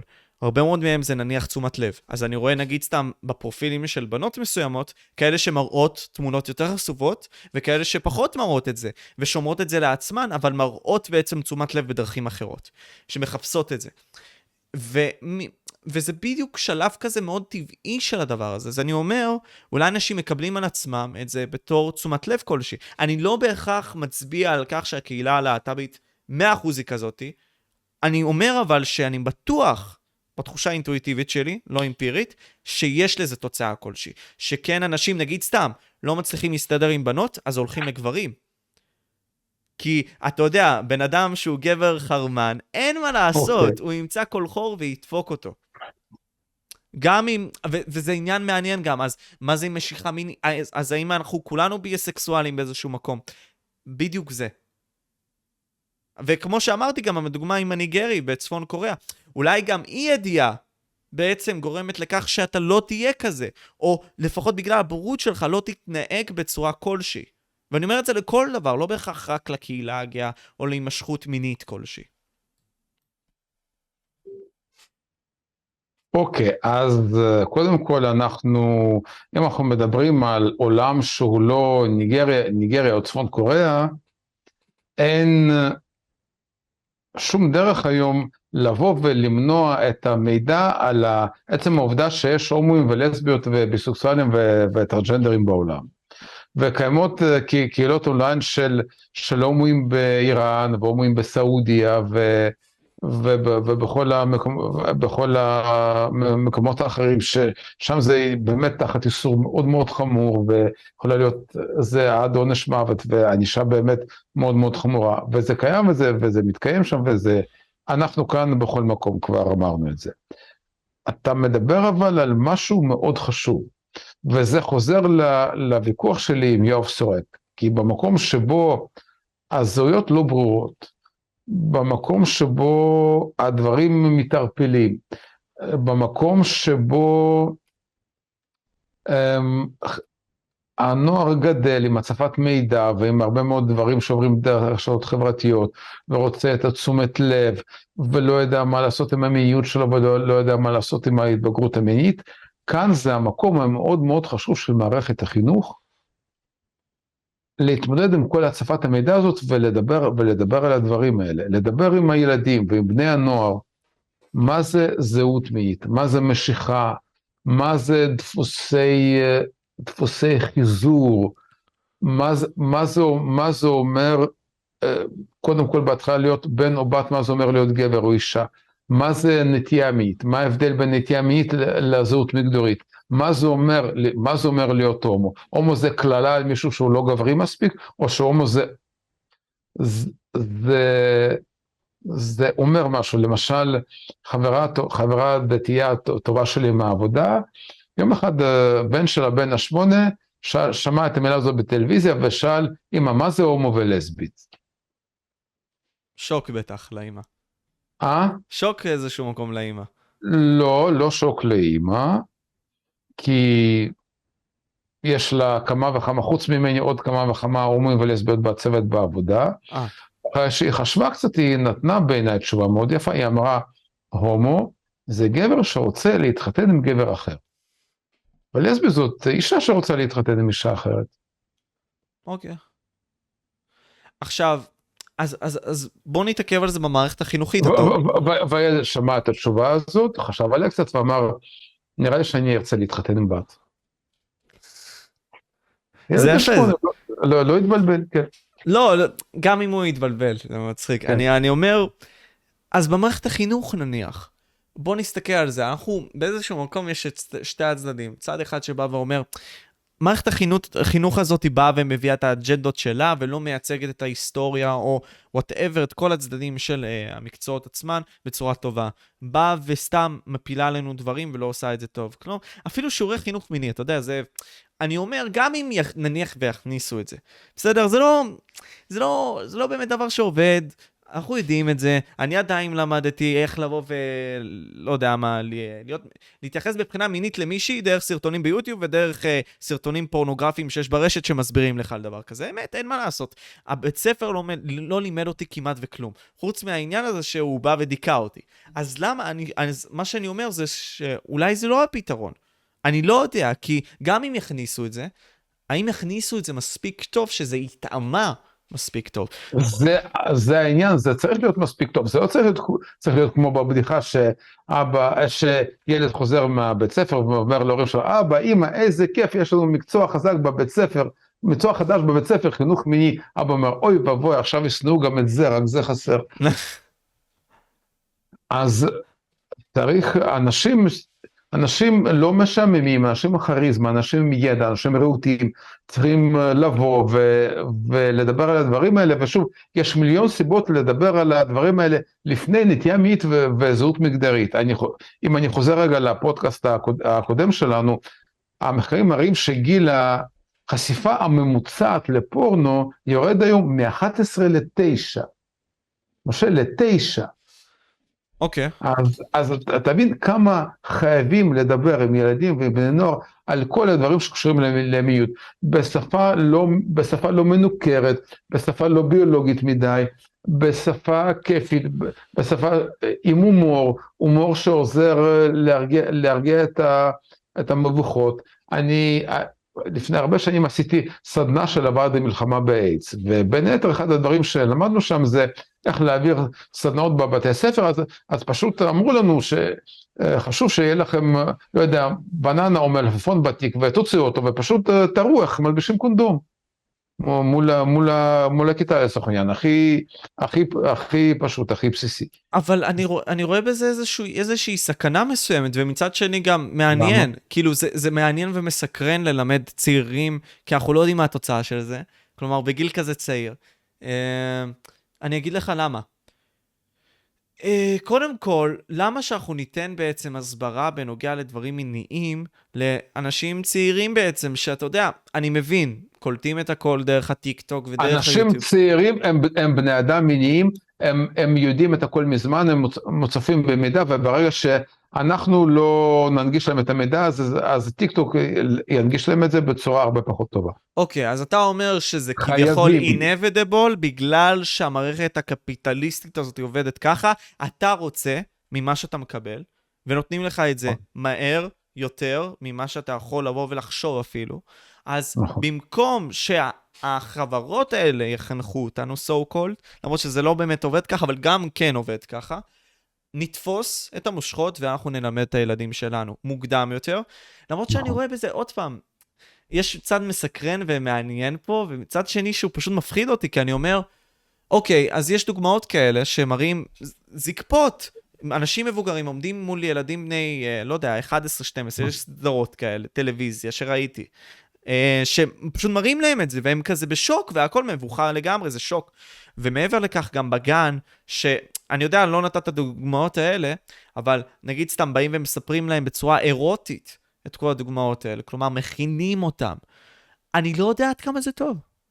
אז, אז בגלל זה צריך להנגיש את זה ב, ב, בשפה ובצורה ש, שמותאמת אה, ל, לכל, לכל גיל ולכל לכל, לכל, לכל שכבת גיל.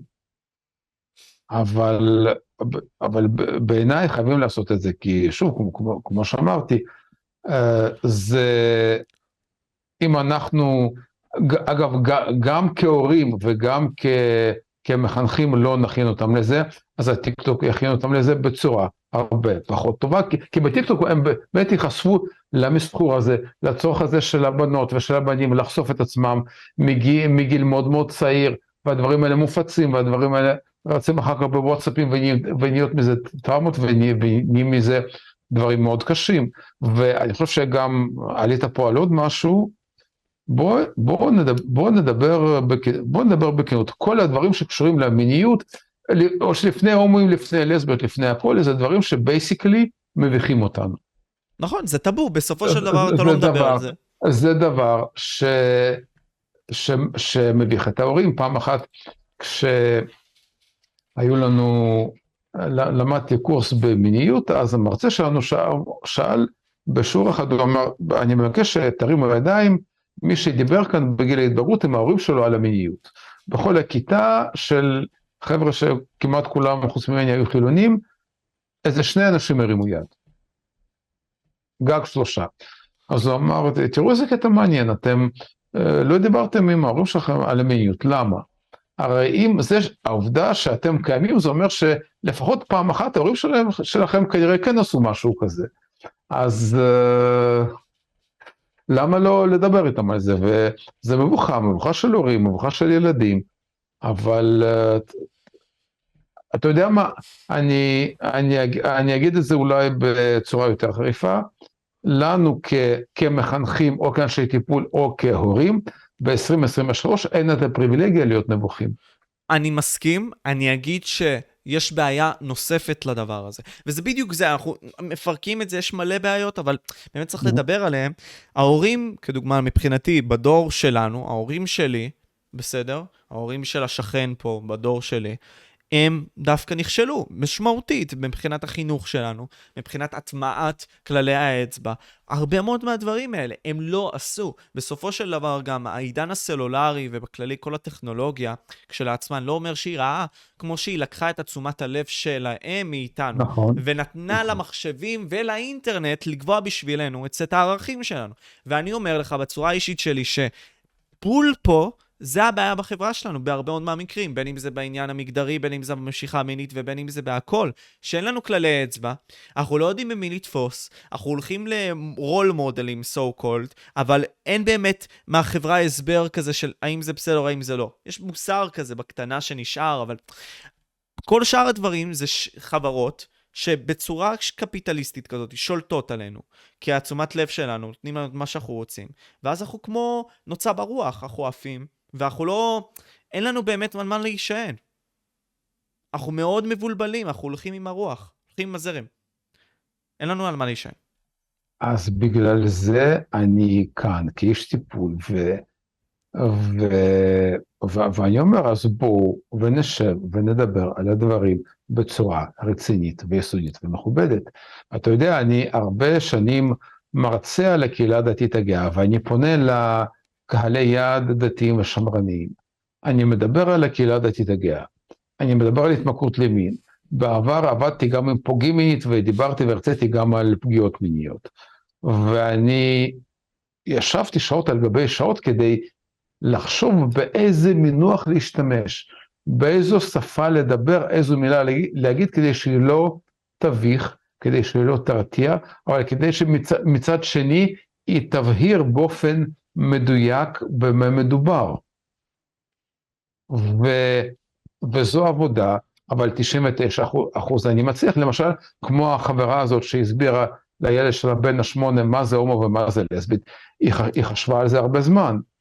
היא רצתה שזה לא יהיה משהו פיזיולוגי, שזה לא יהיה משהו מביך, שזה לא יהיה, שזה לא יהיה משהו מתחמק, כי, כי הבינה שאם היא, היא תתחמק, הוא יקבל איזשהו שדר שזה משהו מביך ובעייתי, ואולי זה יעורר אצלו יותר את הסקרנות. אז היא מצאה דרך להנגיש לו את זה בצורה שהייתה לו ברורה, וש, ושנתנה לו תשובה לא מביכה. ו, ופה, אז, אז בגלל זה אנחנו צריכים באיזשהו מקום כן לא להסתכל על זה בחמלה. כן לבוא וכשאנחנו נותנים את התשובות האלה, כן לחנך טוב, אבל אני אומר מן היסוד, בעיית החינוך כשלהיום היא בעייתית. אני לא רוצה לנבור בזה יותר מדי, אנחנו מתעמקים בזה הרבה, אבל להעביר את זה בצורה ברורה זה בעייתי. כלומר, להסביר עכשיו לילד שזה לגיטימי שבן אדם יהיה אינדיבידואלי, אינדיבידואליסט, יבוא ויהיה עם מי שהוא רוצה, איך שהוא רוצה, אבל בצורה שמותאמת חברתית, זה דבר שהוא לא קל לעשות וקשה להעביר את זה היום לצעירים בצורה שהיא מכוונת. Uh, בגלל שגם הצעירים לרוב לא מקשיבים לאותם אנשים שצריך להקשיב, כי גם הרבה מאוד מהם לא, לא, לא מנסים להסביר את זה. אז הם הולכים לאינטרנט והולכים לזה והולכים לזה. אז זה בעייתי, זה לא נגמר, זה, זאת הכוונה שלי, זה לא נגמר. ואנחנו נמצאים פה באיזושהי בעיה. כמו עם המגדר, אני נגיד חושב שהמגדר כשלעצמו, זאב, זה לא דבר שבאמת יקדם אותנו. זה דווקא לתת יותר תרופה, יותר, יותר בעיה לבעיה. כי יש פה אנשים שיש להם בעיה כלשהי, ואנחנו כביכול נותנים את מה שהם רוצים, אבל זה די מכניס אותנו ללופ כזה. ואף אחד לא מנסה להתייחס לזה בצורה רצינית ומונגשת לכולם. אז אה, אחת הסיבות ש, שבגללם אתה כאן, אתה מנסה לדון uh, בדברים בצורה רצינית, ואם אתה למשל מקליט פודקאסט של שעתיים על ניטשה, זה כי, זה כי יש מספיק אנשים צעירים שרוצים לחשוב לעומק על בעיות הכי חשובות של הקיום, ואם אתה מקליט פודקאסט של שעתיים עם טל קרויטורו, זאת אומרת שיש מספיק אנשים צעירים בגילך שרוצים לחשוב ממש לעומק על הנושא של המגדר ועל הטרנסג'נדרים, ואם זה הגיוני שילד בן ארבע אה, יחשוב שהמגדר שלו הוא שונה, ואם אתה מקליט פודקאסט איתי על התמכרות לימין, זאת אומרת שזה מסקרן. הרבה אנשים צעירים, והם רוצים לדעת ולהבין מה, משהו ש... משהו שהם לא, לא הצליחו להבין לא מההורים ולא מהמחנכים. כי כמו שדיברנו איתך בפעם שעברה, יושב נער בן 14 ולא יודע אם, אם בגילו הוא מכור לפורנו או לא, ובאותה מידה יושב עכשיו נער בן, נער בן 14 ולא יודע אם הוא גיי או ביסקסואל או סטרייט, או מה קורה לה עם הנטייה המינית שלו. הוא אומר לו, בוא נדבר על זה, בוא נבין את מושגי היסוד, בוא נבין מי אתה. לא צריך לכפות עליך שום אג'נדה ושום אידיאולוגיה של שום קהילה ושום דבר, צריך פשוט לעזור לך להבין מי אתה, הכל בסדר. אז הכל מסתכם לדעתי באיזשהו מקום, וזאתי ההסתכלות הצעירה שלי בנוגע לזה, זאב, שאני אישית לא אסמוך על ההורים. גם הדור הבא, אני לא אסמוך עליו באיזשהו מקום, במיוחד עם המציאות הזאת של המולטיברס וכל המשקפיים האלה המוזרים האלה, לא יודע אם ראית את זה, אה, שבאמת לוקחים את התשומת לב שלך מהדבר הזה. בסופו של דבר מסתכם באנשים מוכשרים, כריזמטיים, שיבואו וידברו עם ראשי קהילה אחרים, שבטים כאלה, שבגלל האינטרנט ייצרו ובכדי באמת לבוא ולמצוא את התשובות אליהם, וזה, כאילו, אנחנו עכשיו נסיים את זה, כי אני רוצה ללכת להרבה מאוד נושאים אחרים של הקהילה הגאה, נצטרך לדבר איתם, ונצטרך באמת להיכנס לעומק הדברים, ואני חושב okay. אוקיי. שאנחנו מתחילים את הדברים האלה היום, כמו שאתה בא ואומר בפודקאסטים האלה, לגמרי. אז מעולה, אני רוצה בכל זאת אה, להגיד משפט אחד לטובת ההורים, אתה צריך לזכור שההורים של הדור שלכם, הם בעצמם לא קיבלו, לא קיבלו שום חינוך מיני, הם בעצמם גילו את המיניות שלהם בכל מיני, בכל מיני מקומות עם, עם הרבה מאוד ניסוי וטעייה בדרך, ובגלל שאני גם עובד בשנים האחרונות הרבה מאוד עם ההורים, הרבה מאוד הורים מתאמצים מאוד קשה בשביל לעשות שיעורי בית, בין היתר כי חשוב להם, חשוב להם גם להגן על, על הילדים שלהם וגם להבין אותם. הבנתי. אז זה בנוגע לנושא החינוך, נברנו בו מספיק לדעתי. כן, עכשיו כן. בוא נלך לנושא טיפה פרובוקטיבי, טיפ-טיפה. יש, יש. אנחנו אוהבים את זה. זה מה כן. שמביא את הקליקים. עכשיו, ברור. יש את העניין הזה של דיסני, בטח שמעת עליו, או אולי לא, שמנסים להכניס לא. בעצם בגיבורים אוקיי. של אותם אוקיי. סדרות, נגיד סתם, 50 אחוז שהם מקהילת הלהט"ב. 50 אחוז? כן, בערך, ש... אוקיי. זאת השאיפה שלהם. עכשיו, אתה יודע, אני, אני באיזשהו מקום אה, רוצה להיות אמיתי. כלומר, אני, אני בעצמי לא מבין את עניין הייצוג. יכול להיות שבגלל שאני צעיר, יכול להיות ש... יכול להיות, בסדר, ואני מבין את זה. בסופו של okay. דבר אוקיי. יש ראשי קבוצות, כמו שאמרנו, שנלחמים למען הזכויות של כל מי שעוקב אחרי ראשי הקבוצות. מבין את זה, מקבל את זה. למה אבל, במסה כזאת גדולה, הם רוצים להעביר כביכול אג'נדה שכזאת? מה המטרה? כלומר, האם, האם זה בסדר, האם זה לא, האם זה אסור מבחינת... כאילו, למה, מה הכוונה לדעתך בדבר הזה? איך אתה מסתכל על זה?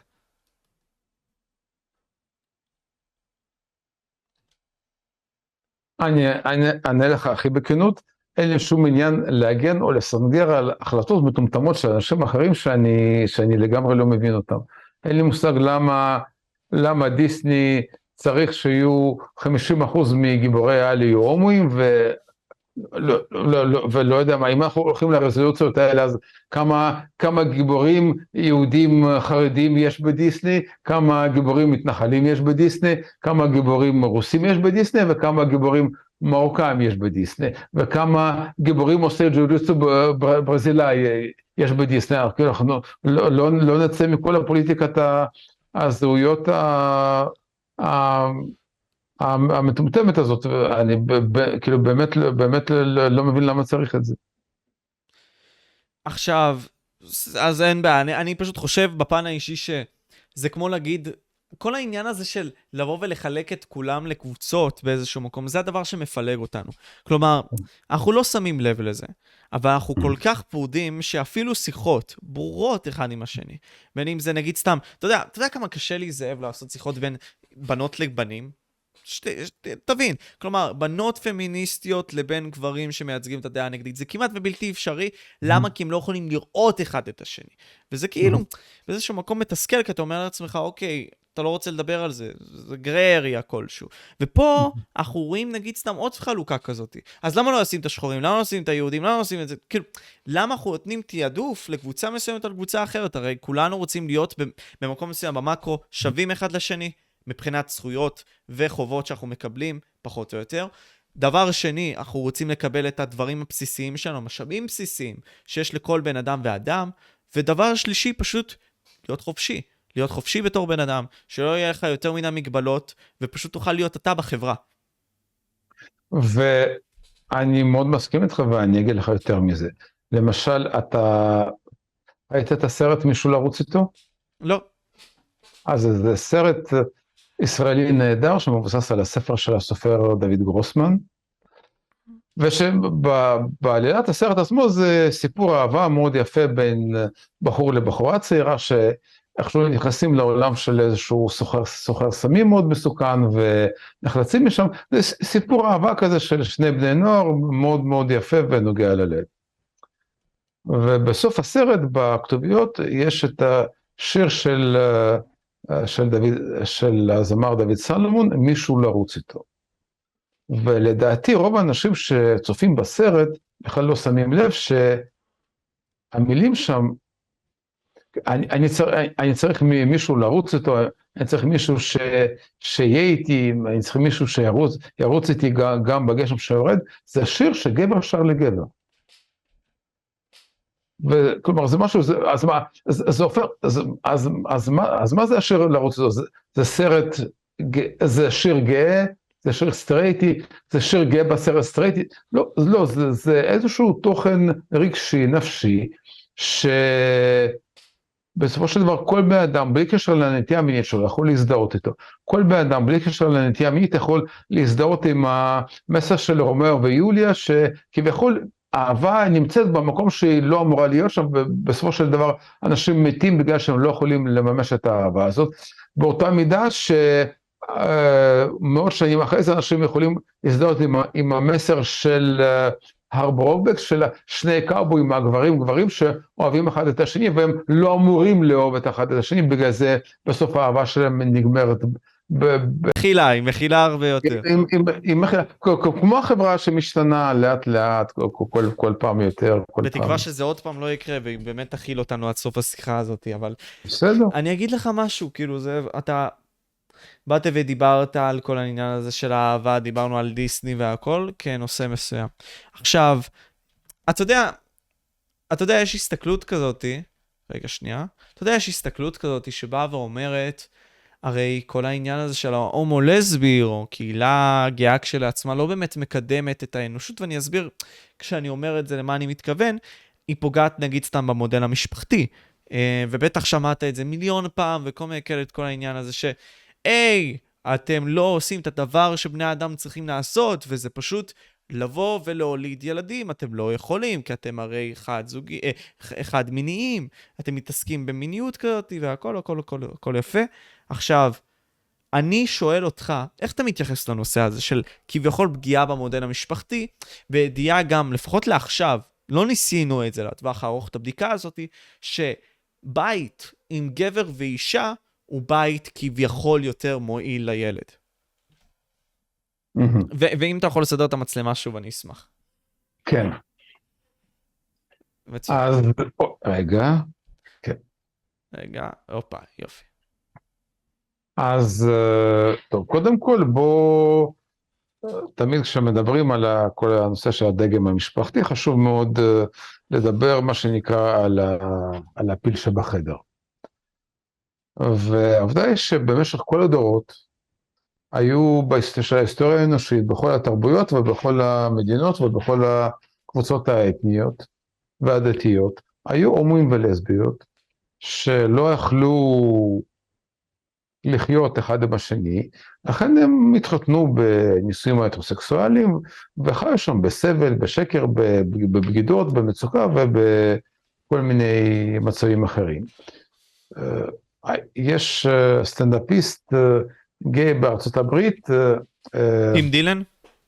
לא, לא, לא, של הדור המבוגר יותר, ג'ייסון סטיוארט. אוקיי. אז הוא, בהופעות שלו, לפני ההכרה בנישואים גאים, הוא היה אומר, תקשיבו, אתם הסטרייטים צריכים להיות הראשונים שתומכים בנישואים גאים. אתם צריכים להיות, לתמוך בנישואים גאים יותר מאיתנו. אתם יודעים למה? כי אם אנחנו נוכל להתחתן אחד עם השני, אנחנו נפסיק להתחתן איתכם. Mm. אז לכם כדאי. אז קודם כל, כשבאמת יש לנו את האפשרות להינשא וליישם את האהבה שלנו וליישם את הקשר בינינו, ולי לשמחתי הרבה מאוד זה, זה קרה לפני חצי שנה, אני ניסיתי לבן זוגי לבעלי האהוב, זה היה באמת התגשמות גדולה מאוד של חלום, כי אני חושב שאחד הדברים קוראים לבן אדם שמבין יום אחד שהוא הומו או לסבית, יכול להיות שבדור הממש צעיר, בדור שעכשיו בתוך, בתוך כדי גיל התבגרות מגלה את הנטייה שלו, זה לא ככה, אבל זה היה בוודאי ככה בדור שלי ובוודאי בדור הקודם.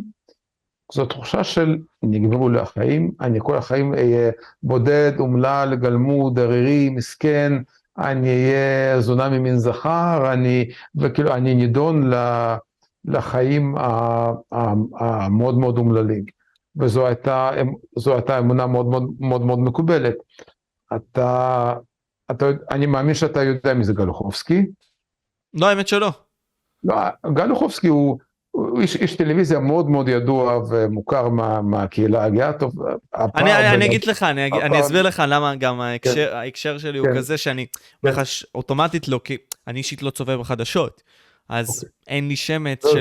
לא, לא, לא, גל יחובסקי הוא אחד הגייז באמת הכי מוכרים בארץ, הוא איש טלוויזיה מאוד מאוד ידוע, ו... ובעלו הוא הבמאי איתן פוקס, שביחד הם יצרו הרבה סרטים שהם כאלה מאוד מכוננים של הקהילה הגאה בישראל, כמו יוסי וג'אגר, כמו ללכת על המים, וסרטים שבהחלט כדאי, כדאי מאוד לראות. אבל, אבל הבמאי איתן פוקס פעם סיפר שאבא שלו היה מישהו מאוד, איזשהו איש חינוך מאוד בכיר בארץ, וכשבשנות ה-70, ה-80, מתישהו הבן שלו יצא מהארון, הוא הלך לדבר עם מי שהיה המנחה המקצועי שלו בחו"ל, והוא היה, וזה היה אחד הפסיכולוגים הכי ידועים ומוכרים בעולם, דוקטור ברונו בטלהיים. הוא, הוא היה יהודי ניצול שואה, שגם כתב כל מיני דברים על התמודדות עם השואה, וברונו בטלהיים אמר לאבא של איתן פוקס, תקשיב, לבן שלך יהיו חיים אומללים, בודדים ומסכנים, הוא ימות לבד, אה, בודד ודיכאוני, והדבר הכי טוב שאתה יכול לעשות זה, זה פשוט לקבל את זה שזה ככה. אתה מבין שלאבא מאוד קשה לשמוע דבר כזה. אני בטוח. וש, וכשהאבא של איתן פוקס באמת היה על ערש דווי, וכשהבן שלו כבר חי עם הבן זוג שלו הרבה מאוד שנים, הוא אמר לו, תשמע, אני מאוד שמח שאתה מצאת את האושר שלך בחיים. ואיתן פוקס אומר, אני, זו, בשבילי זאת הייתה סוג של הודעה בזה שאבא שלו הבין שהמנחה שלו אותה, ושהוא לא, לא העריך משהו ב, בצורה נכונה. ואתה יודע, אני רוצה אולי רגע לשתף משהו על, ה, על החתונה שלי, וגם אולי קצת איזשהו סיפור על ה... בהקשר לסיפור של מחשב שקרס. אז בחתונה שלנו זה בעצם טקס ששנינו בנינו, כי רצינו לעשות חתונה גאה עם אלמנטים של טקס יהודי הלכתי, כלומר שזו תהיה בעצם משהו דומה מאוד לחתונה כדת משה וישראל, אבל חתונה של שני גברים, ובין היתר שלבנו שם שבע ברכות, כלומר זה ברכות, אה, ברכות מסורתיות, שעשינו אותם, אותם עם קצת עם התאמה לחתונה שלנו, ולכל אחת מהברכות עלו מישהו מהבני משפחה או מישהו מהחברים לברך. וכל החברים שעלו לברך, שאלו את, לפני זה שאלו את המחתן, האם הם יכולים לומר כמה מילים אישיות. והמחתן אמר שזה מאוד יפה שהם רוצים, אבל עדיף שלא, כי אם כל אחד יגיד משהו אישי, זה מאוד יאריך את החופה. ובסוף כולם כל השבעה בחרו לומר כמה מילים, כמה מילים אישיות, חלק דברים שהם הכינו מראש, חלק דברים שהם החליטו להגיד בספונטניות, וזה מאוד האריך את החופה, זה הפך את החופה ליחסית מאוד ארוכה, אבל זה היה משהו שכל מי שהיה בחתונה זוכר את זה, וזה היה פשוט כל כך יפה לראות שאנשים, שגם בני משפחות שלנו, וגם החברים שלנו כל כך אוהבים אותנו, שהם יכולים לחכות לבורקס ולרבע עוף ולטקילות ולריקודים ופשוט להיות איתנו ולהגיד כמה הם אוהבים אותנו, כמה לראות את האושר שלנו ואת האהבה שלנו חשוב להם. כמה, כמה הם שמחים לראות שאנחנו לא סתם אוהבים אחד את השני, אלא מוכנים להתחייב, להתחייב אחד לשני, להת, להתחייבות, לקשר מחייב מתחת לחופה. ו... אחר כך, בחתונה קרה לנו עוד משהו מדהים, וזה היה דווקא כתוצאה מאיזושהי תקלה. בערך בסוף הריקוד הראשון קרס המחשב של הדי-ג'יית, ולקח לה בערך עשר דקות לתקן את זה. אוקיי. כל העשר דקות האלה, שלא הייתה מוזיקה באולם, ברחבה היו ריקודים בלי הפסקה, הריקודים לא הפסיקו לשנייה. אוקיי. והיא, אגב, אגב, אם המחשב היה כועס לגמרי, אז שעתיים, אני אומר לך, אנשים היו מפסיקים, היו ממשיכים לרקוד בלי, לרקוד בלי הפסקה, כי זה היה כזה ים של אהבה, והם כל כך שמחו בשמחה שלנו, שלא היו, צריכים, לא היו צריכים את הדי-ג'יי ולא היו צריכים את המוזיקה בשביל זה. זה נותן אה, נימה אופטימית כזאת של אהבה וכל מיני כאלה, זה יפה. כן. אני אוהב כן. את זה. אני רוצה, אה, ת, תגיד לי רגע, יש לך עוד... לא, לא, לא, שכחתי שרצית שאני אתייחס לנושא של, של ההורות וילדים. כן, עכשיו, גם אתה רצית שאני אדבר על הומופוביה, ו... כן. אז, אז אנחנו נדבר על שתי הנושאים האלה, וגם בקטנה כן. אולי טיפוני המרה, ונסיים עם זה, בסדר? מעולה. אז מעולה, אוקיי. מעולה. אז, מעולה, מעולה. אז אנחנו, אני, אני כאילו באיזשהו... ילד, ילדים, הורות גאה. כן, אז בוא, בוא, בוא נדבר על זה. כלומר, איך אתה רואה את זה? בסופו של דבר, כמו שאמרתי, יש את המחקרים האלה שבאים ואומרים, וואלה, הילד לא יגדל בצורה ממוקסמת, כי הוא יהיה עם הורה גאה. או לחלופין, לא יהיה עם, יותר נכון לא אומרים את זה, אומרים, אם אתה לא תהיה עם הורה שהוא אימא ואבא, בעצם זה יפגע במקסימום של הילד. טוב, אז אה, קודם כל, נכון להיום במדינת ישראל, אה, אין לי מספר מדויק, אבל עשרות אלפי ילדים גדלים או עם אה, שתי אמהות, או עם שני אבות, או עם כאילו אב, אבא ואמא בהורות משותפת, אבל של, של אבא יש בן זוג. כבר היום במדינת ישראל מדובר בעשרות אלפי ילדים, והמספר עולה כל שנה. Um,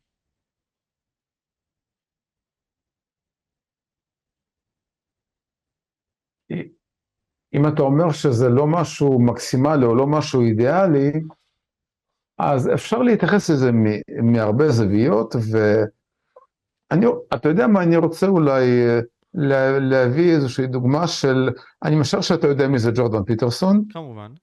יפה. ובאחד הפודקאסטים היחסית האחרונים של, של ג'ורדן פיטרסון, הוא הזמין אה, אה, איזשהו פרשן שמרני מאוד ידוע בארצות הברית, שהוא גם יהודי וגם גיי, דייב רובין. והוא דיבר איתו הרבה בין היתר על, ה, על הזוגיות הגאה שלו ועל ההורות. ו... ופיטרסון אמר שם משהו מאוד מעניין, הוא אמר, יכול להיות שמשפחה של, אה, ודייב רובין והבן זוג שלו עשו, הביאו עכשיו ילד בפונדקאות. ופיטרסון אמר, תראה, יכול להיות שמשפחה של אבא ואבא זו משפחה לא אידיאלית. אבל משפחה של כל אחד מאיתנו, היא באיזשהו מקום משפחה לא אידיאלית. כולנו הורים לא אידיאליים, בני זוג לא אידיאליים, אנשי מקצוע לא אידיאליים, כולנו לא אידיאליים באיזשהו היבט. אם מישהו חושב שהוא אידיאלי, המשיך uh, פיטרסון לומר, זה אומר רק דבר אחד, הוא שם לעצמו רף נמוך מדי. אם מישהו אומר, אני הגשמתי את, את האידיאל שלי, אין לי מה לשאוף, אני מושלם 100% סימנ, סימנתי וי על הכל, זה אומר שהוא שם את הרף שלו נמוך. כי אידיאל זה לא משהו שמונח אצלנו בכיס, אידיאל זה משהו שקורה לנו מבחוץ. כן. ו- והאם אני בתור אבא הולך להיות הורה אידיאלי או מושלם, יכול להיות שלא, אבל אני אעשה את הכי טוב שלי להיות את ההורה הכי טוב שאני יכול. אני חושב שהשיח הזה, או יותר נכון שאלות כאלה, במישור האישי שלי, להגיד את ה-2 cents שלי, בא ממקום של בורות באיזשהו מקום, כי אני מאמין שילד שלא נמצא בסיטואציה האידיאלית, בלי קשר, כי הוא מגיע לעולם, העולם לא אידיאלי, ההורים לא אידיאליים, הוא יכול להיות במקום לא אידיאלי, זה בסדר. כלומר, כולנו צמחים שבסופו של דבר חלקנו מגיעים מהאדמה, חלקנו מגיעים מאבן וצומחים. ומנסים למצוא את עצמנו. אז אני אומר ש... אי אפשר לעצור את זה, זה כאילו, זה, זה, זה מוזר גם לבוא ולדבר על זה כאילו זה משהו אסור או רע. אני, נגיד, שאלתי את זה כי הרבה מאוד אנשים מעלים את השאלה הזאת בצורה כזאת ברורה, אבל אני אומר אישית שברור שיותר עדיף שלילד יהיה אבא ואבא או אימא ואימא, מאשר שהוא יהיה בבית יתומים. או לחלופין, וואלה, שייוולד, אולי בפונדקאות. והם ישמרו וינסו לתת לו את המקסימום. ואולי אין בעיה, אז הוא לא יקבל את החום של האימא, והוא לא יקבל... אבל זה יותר טוב מהרבה מאוד מקרים אחרים. זה אולי הרבה יותר טוב מנניח שזה יהיה מאימא חד-הורית או מאבא חד-הורי. מה יותר טוב? יש כאילו האלטרנטיבות לא תמיד מסתדרות. וגם אתה דיברת ממש לפני זה על כמה הרבה מאוד הורים, לצורך העניין של הדור שלך, כשלו בכל נושא של להעביר את החינוך המיני, להעביר את החינוך לזוגיות, לאינטימיות, להרבה מאוד דברים שהם בכלל לא ידעו לייצר שיח בנושא, אז מה, כאילו, הם עשו כמיטב יכולתם, חלק מהדברים הם יכלו, חלק מהדברים לא הייתה להם גישה. כל, כל דור עושה, כל דור, כל הורה עושה כמיטב יכולתו. מסכים, מסכים. ומקווה ומתפלל שיהיה בסדר. נכון.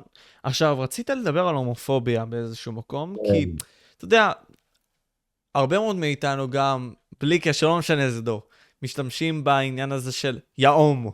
יאום. כן, זה, זה, זה הכי כביכול מתגלגל בלשון, ומי שמשחק אותה שזה לא ככה, הוא משקר לעצמו, החברה ככה עדיין עוברת, בסדר? בואו לא נתכחש לאמת. איך אתה מתייחס לדברים כאלה היום? והאם זה דבר שהוא כביכול מפריע, מרתיע? איך אתה מסתכל על זה? אז קודם כל אני רוצה לגלות לך פה איזשהו סוד, כשגייז כאילו ב, אה, בינם לבין עצמם, הם גם אומרים אחד לשני, כשמישהו לא מצליח לעשות משהו גברי, או מישהו לא מצליח להרים משהו, מישהו אה, לא מצליח לתקן משהו, מה, מה יש לך, מה אתה לא, מה אתה לא יכול, לא יכול להרים את זה, מה, מה יכול להרים את זה, מה, מה, מה אתה הומו, מה אתה פוקסינל, מה אתה זה. אה, אפילו אני אספר לך איזושהי אנקדוטה, פעם אחת אה, קרה שהייתי צריך, נאלצתי לבקר יחד עם הבן זוג שלי בחדר מיון מאוחר בלילה. זה לא היה משהו רציני מדי, אבל בקיצור היינו צריכים להיות שם. וכשהגיע הרופא לתת אינפוזיה, רציתי קצת להקליל את האווירה, ובן זוג שלי אמר שהוא לא, לא, לא אוהב את הדקירות של, של האינפוזיה, זה קצת מלחיץ אותו, הוא אמר, מה דוקטור חייבים, אפשר בלי? אמרתי לו, אלון, מה יש לך? כל הדקה של אינפוזיה, מה אתה גבר או קוקסינל? רופא נבהל, מה זה אדוני, אסור לדבר אצלנו ככה, אוי ואבוי, מה זה? אמרתי לו, הוא בן זוג שלי, מותר לי. אז כן, אז, אז, אז, יש את ה, אז יש את השיח הזה. אני חושב ש... אני, אני אגיד לך מה, ככל שאנשים, כל, כל האנשים, מכירים יותר אה, הומואים ולסביות, הומופוביה זה משהו שיורד יותר ויותר ויותר ויותר לשוליים, והשיח של יאו, יהומו, יזה, יזה, זה משהו ש... שוב, זה לא, זה לא הומופוביה כמו שזה, לא יודע, מין חוסר נימוס כללי, מחוסר מודעות כללית, וזה דברים שבאמת הולכים ונעלמים. אה, אני אגיד לך למשל, בנושא הזה נעשה מחקר מאוד מעניין, מישהו רצה לבדוק כמה, אה, כאילו כמה אנשים באמת מחזיקים ב...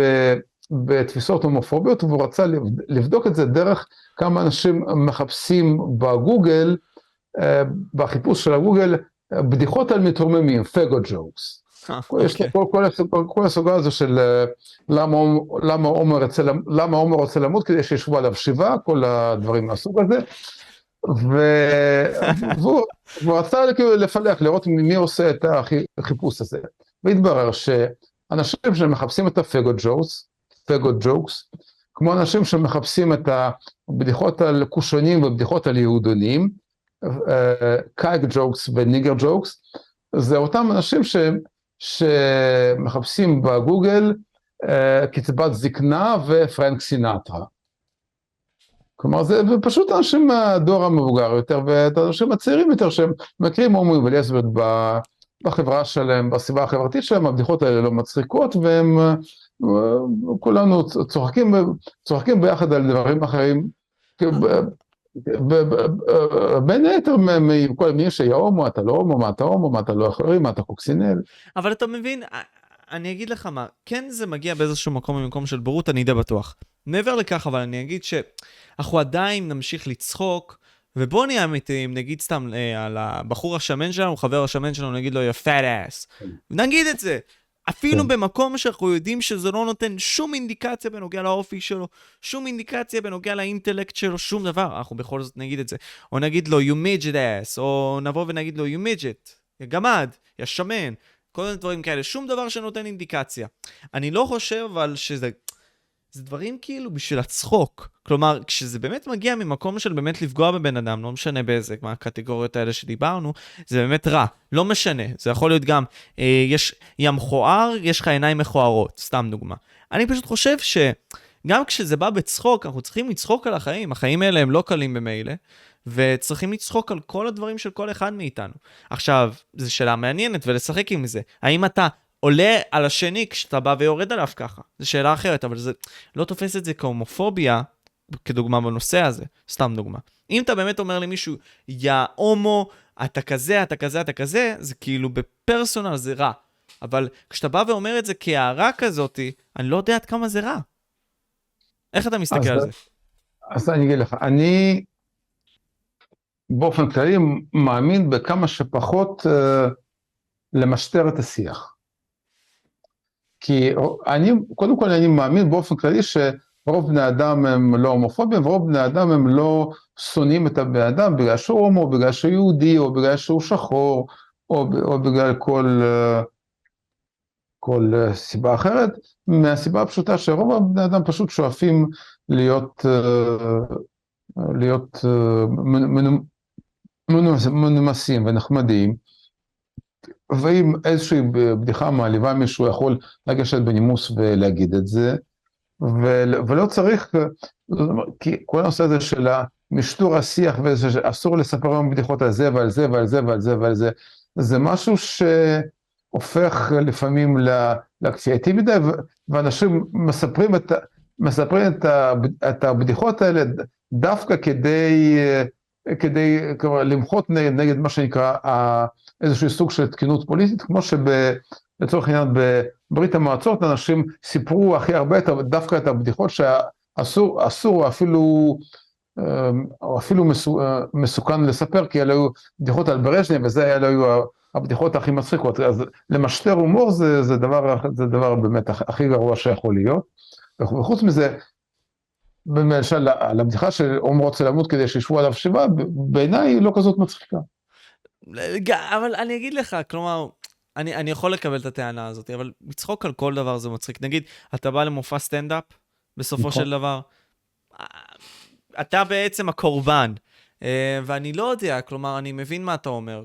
אה, לא צריך למשטר את השיח, לפעמים גם צריך ל... אולי פשוט לסתום את הפה לפעמים, ולא להגיד הערה כלשהי, אבל פשוט לבוא ולזרום עם זה. אני חושב שזה הדבר הנכון לעשות, לזרום עם זה. אבל אם באמת תוקפים אותך, אז באמת להגן על עצמך גם, אני מניח. נכון. נכון, ושוב, זה, זה, זה, דבר, זה דברים שנקבעים בשיח בחברה, בגלל זה כדאי כמה שיותר לדבר עליהם וכמה, וכמה שפחות למשטר אותם. למשל, כש, כש, כשמספרים אה, בדיחה של מה לסבית מביאה לדייט שני, את המזוודות, ומה הגיי מביא לדייט שני, מה יש דייט שני, זה מספר משהו על הומואים, זה מספר משהו על לסביות, זה מספר משהו על, על העולם, על העולם ש, ש, ש, שסביבנו, יש, יש, יש כל מיני דברים, למשל אחד, אחד אומר, אני, אחד אומר, אני ממש כועס על לסביות, הם, הם, הם לא בסדר, הם, מעצבנות אותי, אני ממש כועס עליהם, שואלים אותו, למה אתה כועס על הלסביות? הוא אומר, כי הם, עושות את זה אחת עם השנייה. מה זאת, ברור שהן עושות את זה אחת עם השנייה מלסביות, הוא אומר, לא.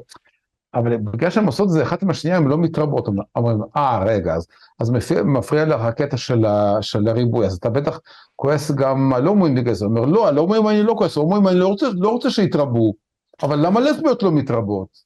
מדהים, מדהים. לא, אבל זה, בכל צחוק כן. יש טיפה של אמת, ובסופו של נכון, דבר, כמו נכון. שנסגור את זה ונלך נכון. לטיפולי המרה, כמו שאוסקר כן. ויילד בא ואמר, כן. אם אני לא יגיד, מה, אני עושה פרפרזה מאוד מוגזמת, כן?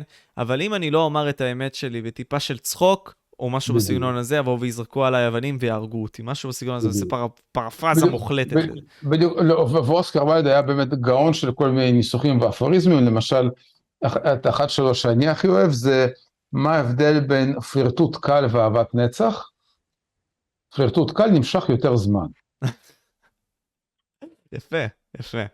עכשיו, תשמע, מפלירטוט קל, נלך לדווקא הפוך, דיכוי קל. וזה דיכוי עם כל קל. העניין הזה של אה, טיפולי המרה. וזה נושא מאוד מעניין. כלומר, אתה יודע, אני קורא הרבה מאוד רוג'רס, ועובר על הרבה מאוד מפסיכולוגים שיש והכל. אה, סתם, זה מעניין אותי. ובשיטה של טיפולי המרה, לפחות איך שאני רואה אותה, זו שיטה מאוד אנטי הקשבה, מאוד, אתה יודע, להעביר אותך מפוינט A לפוינט B, בלי לשאול אותך כל כך הרבה שאלות, וזהו. מעניין אותי לראות איך באמת כל העניין הזה של טיפולי, טיפולי המרה עובד, עובדים, כי אתה בסופו של דבר כן, גם היית חלק מפרוסס כזה, ממה שאני זוכר. ומעבר כן. לכך גם, איך אתה מסתכל על זה היום? שמעתי את לא, לא, הגישה זה- שלך אצל יוזביץ', לא, אני גם- רוצה גם לקחת את זה. גם בתור מישהו שהוא איש טיפול היום. אז אה, בוא תתייחס לזה. לא, אז אה, להתייחס ספציפית למה? תתייחס אם תוכל בבקשה קודם כל למקרה הספציפי שלך, ובלי קשר גם לאיך טיפולי המרה בלי קשר קורים.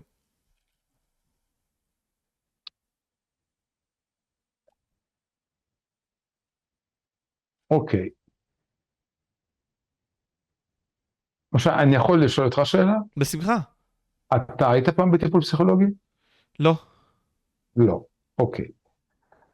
אז בוא תנסה, תנסה רגע, אני רוצה לעשות איזשהו סוג של ניסוי מחשבתי כזה. לך על זה. תחשוב שאתה היית מגיע לטיפול פסיכולוגי עם איזושהי בעיה ש- שמעסיקה אותך, ובעצם היית יושב מול בן אדם שאתה לא מכיר, ומספר לו משהו מאוד מאוד רגיש ואינטימי עליך, משהו שיש לך סביב זה אולי הרבה בושה ואשמה ופחדים ו... וחרדות, ומשהו שאולי אף אחד בעולם, חוץ מהבן אדם הזה שיושב מולך כרגע בקור- בכורסה לא יודע, ואתה שם, שם אצלו את הדברים, את הדברים הכי רגישים והכי אישיים שלך. איך היית רוצה שהוא יתייחס לזה? אני לא הייתי רוצה שהוא יגיד לי מה לעשות. הייתי רוצה שהוא פשוט יקשיב לי. לא, לא, בעצם לא. אני מסתכל על זה מצד המטופל. אני רוצה שהוא ייתן לי תשובה. אני רוצה שהוא ייתן לי תשובה. עכשיו, אני מסתכל על זה בצורת הפסיכולוג, הוא לא רוצה לתת לי תשובה. הוא רוצה, בפועל, לתת לי לבוא ולמשוך את הדברים שלי. אני מסתכל מבחינת רוג'רס. למשוך את הדברים שלי, לתת לי לשלוף את התשובות ממני, ואחרי זה לשקף את זה לעצמי. אז כאילו זה בערך איך שהטיפול הזה היה הולך. אבל אם אני מסתכל על עצמי, כאילו לשאלתך, זה פשוט שהוא ייתן לי תשובה. אני מחפש שאלוהים, סתם דוגמה, או בן אדם, או אוטוריטה, ייתן לי תשובה לבעיה שלי.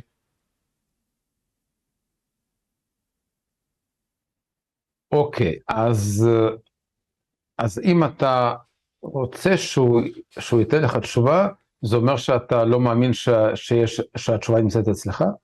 זהו, אני, כשאני חוקר את הדבר הזה, אני מן הסתם מבין את מה אתה אומר. כן. אבל כשאני נכנס לטיפול, ואני בן אדם, ה-average Joe, הבן אדם הממוצע, כן, כן. אני מחפש לתשובה, אני מחפש את התשובה. אבל בפועל, אני, משה, ירצה את התשובה של הבן אדם שיושב מולי, שהוא ישקף לי את מי שאני. כלומר, שייתן לי לדבר, שיסתום את הפה, שישתוק, לא, ית, לא ייתן לי בעצם את הפילוסופיה שלו לחיים, שפשוט יראה לי את מי אני, כי אני לא מספיק אמיתי עם עצמי. או יותר נכון, לא שאלתי את עצמי את השאלות שפתחו לי את המפתחות בלב. נכון. אה, זה למשל אחת המטופלות שעשיתי איתה, אני חושב שתהליך מאוד טוב, בפגישת הסיום שלנו שאלתי מה היה לה טוב בטיפול, ואמרה לי שהדבר הכי חשוב בטיפול היה השאלות ששאלתי ולא התשובות שנתתי, כי לא נתתי תשובות אף פעם. כל, הזמן שאלתי אותה, ומה את חושבת על זה, ולמה את חושבת ככה, והאם יש דרך לראות את הדברים אחרת. ואת אומרת ש, שאת מאוד בטוחה בזה, למה את כל כך בטוחה בזה? כאילו, זה, זה, היו, זה היו שאלות ו, ושדרכם היא הגיעה לכל מיני החלטות שלה שבשלב מסוים אותי למשל מאוד הפתיעו, אבל אלה היו התשובות הנכונות מבחינתה, וזה היה, וזה היה, וזה היה הדבר הנכון מבחינתה. אז אני מאוד מסכים איתך שטיפול רגשי מקצועי זה טיפול שלא דוחף את המטופל לאיזשהו מקום שהמטפל חושב ש... ש... שנכון בשבילו. ו- ולא מנסה לתת למטופל תשובות למרות שמטופל אולי מאוד רוצה את זה, כי זו בשבילו עוד דרך להימנע מלקחת את האחריות על החיים שלו. נכון. ו... שוב, בן אדם שמגיע, ומפה אני רוצה לצאת ל... ל... לכל הנושא של טיפולי המרה. מן הסתם מגיעים לטיפולי המרה אנשים שלא טוב להם עם הנטייה המינית ההומוסקסואלית שלהם, בדרך כלל כי היא סותרת להם את ההשתייכות הדתית שלהם. 99% מהאנשים שמגיעים לטיפולי המרה זה אנשים הומואים ולסביות מקבוצות דתיות שמרניות. בין אם זה נוצרים, בין אם זה נוצרים או מורמונים או מוסלמים או יהודים אורתודוקסים.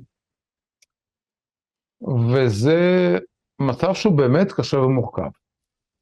והמטפל לא אמור לייצר פתרון מלאכותי לקושי הזה ול, ולמורכבות הזאת. הוא יכול לעזור, לעזור להבין את הקושי ואת המורכבות. הוא יכול לפתוח כמה, כמה דרכים אפשריות להתמודד, אבל הוא לא אמור למכור פתרון, בטח פתרון מלאכותי או שקרי של בוא אני אספר לך שאתה לא באמת טוב, אלא שזה נובע מקונפליקט שהיה לך עם אבא, עם אמא, מטראומה מינית שנפגעת בילדות, וברגע שתבין את זה, אתה לא תרצה יותר להיות הומו, אתה תרצה להיות סטרייט והכל יהיה בסדר. זה פתרון מזויף. עכשיו, יכול להיות שזה משהו שהמטופל מאוד מאוד ירצה לשמוע, אבל התפקיד של המטפל זה לא להגיד למטופל את, את מה שהוא רוצה לשמוע. זה קצת, קצת חוזר לוויכוח שלי עם יואב סטורק. להגיד זה ואתה בעצם כמו כולם זה אולי מאוד יפה אבל זאת לא האמת אני לא כמו כולם אני גיי בעולם של סטרייטים ואם אתה תגיד לי את זה ותעזור לי לעכל את זה ו- ולהבין את זה ואולי אפילו להתאבל על החלום הסטרייטי שהיה לי זה, זה, זה, זה מה שיעזור לי, אתה עוזר לי לקבל את החיים כמו שהם ואת עצמי בתוכם, זה מה שטיפול מקצועי עושה, וזה מה שטיפולי המרה לא עושים. אז אוקיי, עכשיו אנחנו, אני רוצה לסיים את הגישה האידיאלית שלך לזה, או הגישה המטופלת בטיפול פסיכולוגי רגיל. אתה אומר לי, באיזשהו מקום, תגיד לי אם אני צודק, זה עניין של לקחת אחריות. כלומר, אחריות זה בעצם החירות שלך. your ability to response. כלומר, איך שאתה מגיף לעולם, זה בעצם האחריות שלך. עכשיו, אם אתה כביכול לא לוקח אחריות על המעשים שלך, על מי אתה, על מה אתה חושב, על הצעדים שלך, אתה במין סוג של בעיה עם עצמך. אבל מה שיפתור את זה, זה פשוט להבין שיש לך את הבחירה תמיד לעשות כל דבר ולהיות חופשי עם זה, ופשוט צריך לגלות לעצמך את האמת הזאת של המקומות שיש לך, את הבחירות שיש לך, ולבחור אותם. תמיד יש לך בחירה. תמיד אתה יכול לבחור להיות ההומו הזה, שאתה בתוך עצמך. ועם ההשלכות של החברה, שזה האחריות, לקבל את זה, ולהיות אתה. כי יותר גרוע להיות במלחמה עם עצמך, מאשר להיות במלחמה עם... יותר קשה להיות במלחמה עם עצמך מאשר להיות במלחמה עם העולם, באיזשהו מקום. נכון, בטח אם זו מלחמה על עצמך שנמשכת כל, כל החיים והיא, חס, והיא חסרת תוחלת ותכלית. ואני אולי אחזור רגע למה שדיברנו עליו בפודקאסט שעבר, ל-12 הצעדים.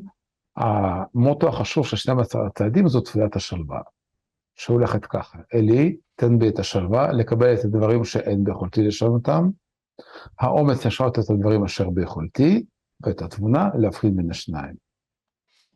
אני לא אלוהים, אני לא כל יכול, אני לא יכול לתקן ולשנות כל, כל דבר ש, שקיים בתוכי, ויש חלק מהדברים שאני צריך לקבל.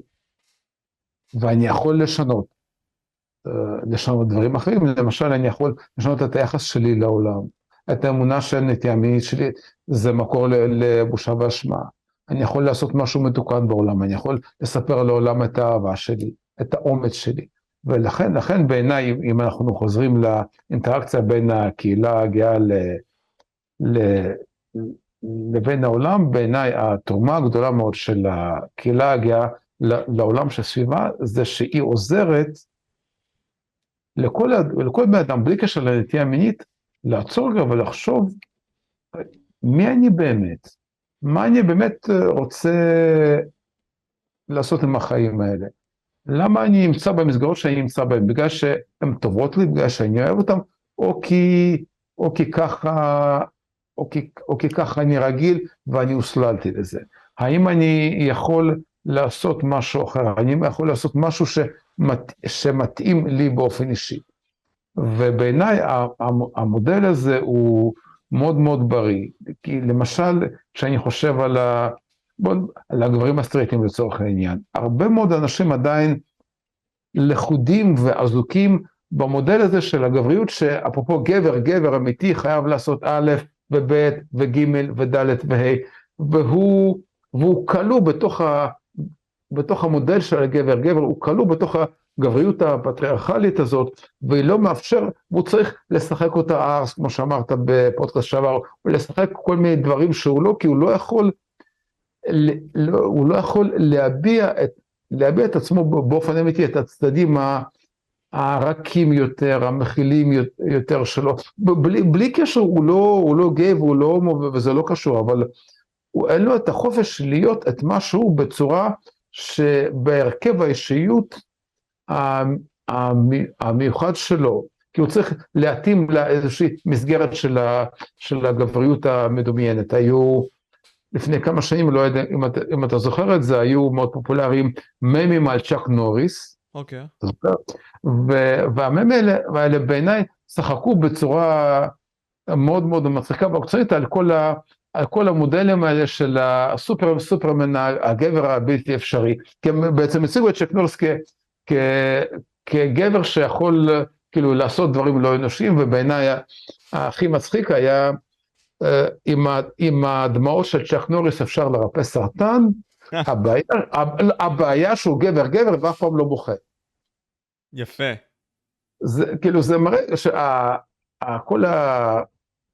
כל האידאל, כל האידאל הזה כביכול של הגבר גבר, הוא בסופו של דבר, הוא סותר את עצמו, הוא יורה לעצמו ברגל ובראש, הוא הופך למשהו בלתי אפשרי, וברגע שאנחנו לומדים כולנו, בלי קשר לנטייה המינית, לקבל יותר את המציאות ואת הזהות העצמית המורכבת של כולנו, זה הופך את כולנו למשוחררים יותר, למכיל, ולמכילים יותר גם את עצמנו וגם את האנשים סביבנו. אני חושב שזה דבר מצוין לסיים איתו את הפודקאסט, כלומר, ותוסיף על זה, אני אשמח, זאב, לשמוע. בסופו של יום, יש לנו את האחריות השלמה הזאתי להיות עם שאנחנו. היא מסוכנת, היא מפחידה, מפחידה גם קשה. לעצמנו. היא גם היא קשה, קשה, כי יש השלכות. לכל דבר שאנחנו עושים יש השלכות, אבל להיות אתה יש השלכות. להיות אותנטי, להגיד את מה שעל ליבך, לאהוב ולהיות כנה עם עצמך ועם העולם. זה בעצם, אתה יודע, יש לזה השלכות עצומות. ובכך, אם אתה רוצה להיות באמת אתה, אתה צריך לקחת את ההשלכות האלה. ואם לא, תהיה, תהיה מה שאתה לא, כדי לא להתמודד עם ההשלכות האלה. כי בסוף, זה הכל בחירה. כל בחירה בסוף, אני מאמין. נכון, וזאת אחריות מאוד מאוד קשה, הרבה יותר קשה מלהוריד חולצה במשאית במצעד. טוב, זאב, קודם כל, תודה רבה לך, באמת, על הפודקאסט הזה.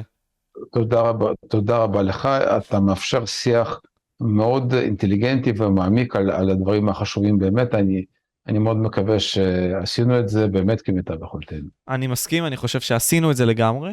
ואני אגיד גם שאם לא ראיתם את הפרק הקודם עם זאב, זה נמצא בתיאור למטה, ובכללי לזאב יש הרבה מאוד פרקים שונים ברשת, בין אם זה אצל תמיר דורטל, בין אם זה אצל דוקטור יוזביץ', שאתם מוזמנים לבוא ולראות, שמדברים גם על נושא הקהילה הגאה, הקהילה הגאה עצמה, וגם על נושאים של התמכרויות והכול. אני מאמין אישית שבאמת הנושאים האלה מאוד מעניינים, וצריך לבוא ולשמוע אותם, ואתה אומר אותם בצורה מאוד מעניינת, זאב, ובלי קשר באמת, שוב, אני רוצה להודות לך, באמת תודה רבה. תודה רבה, משה. יאללה, היינו פה. ביי.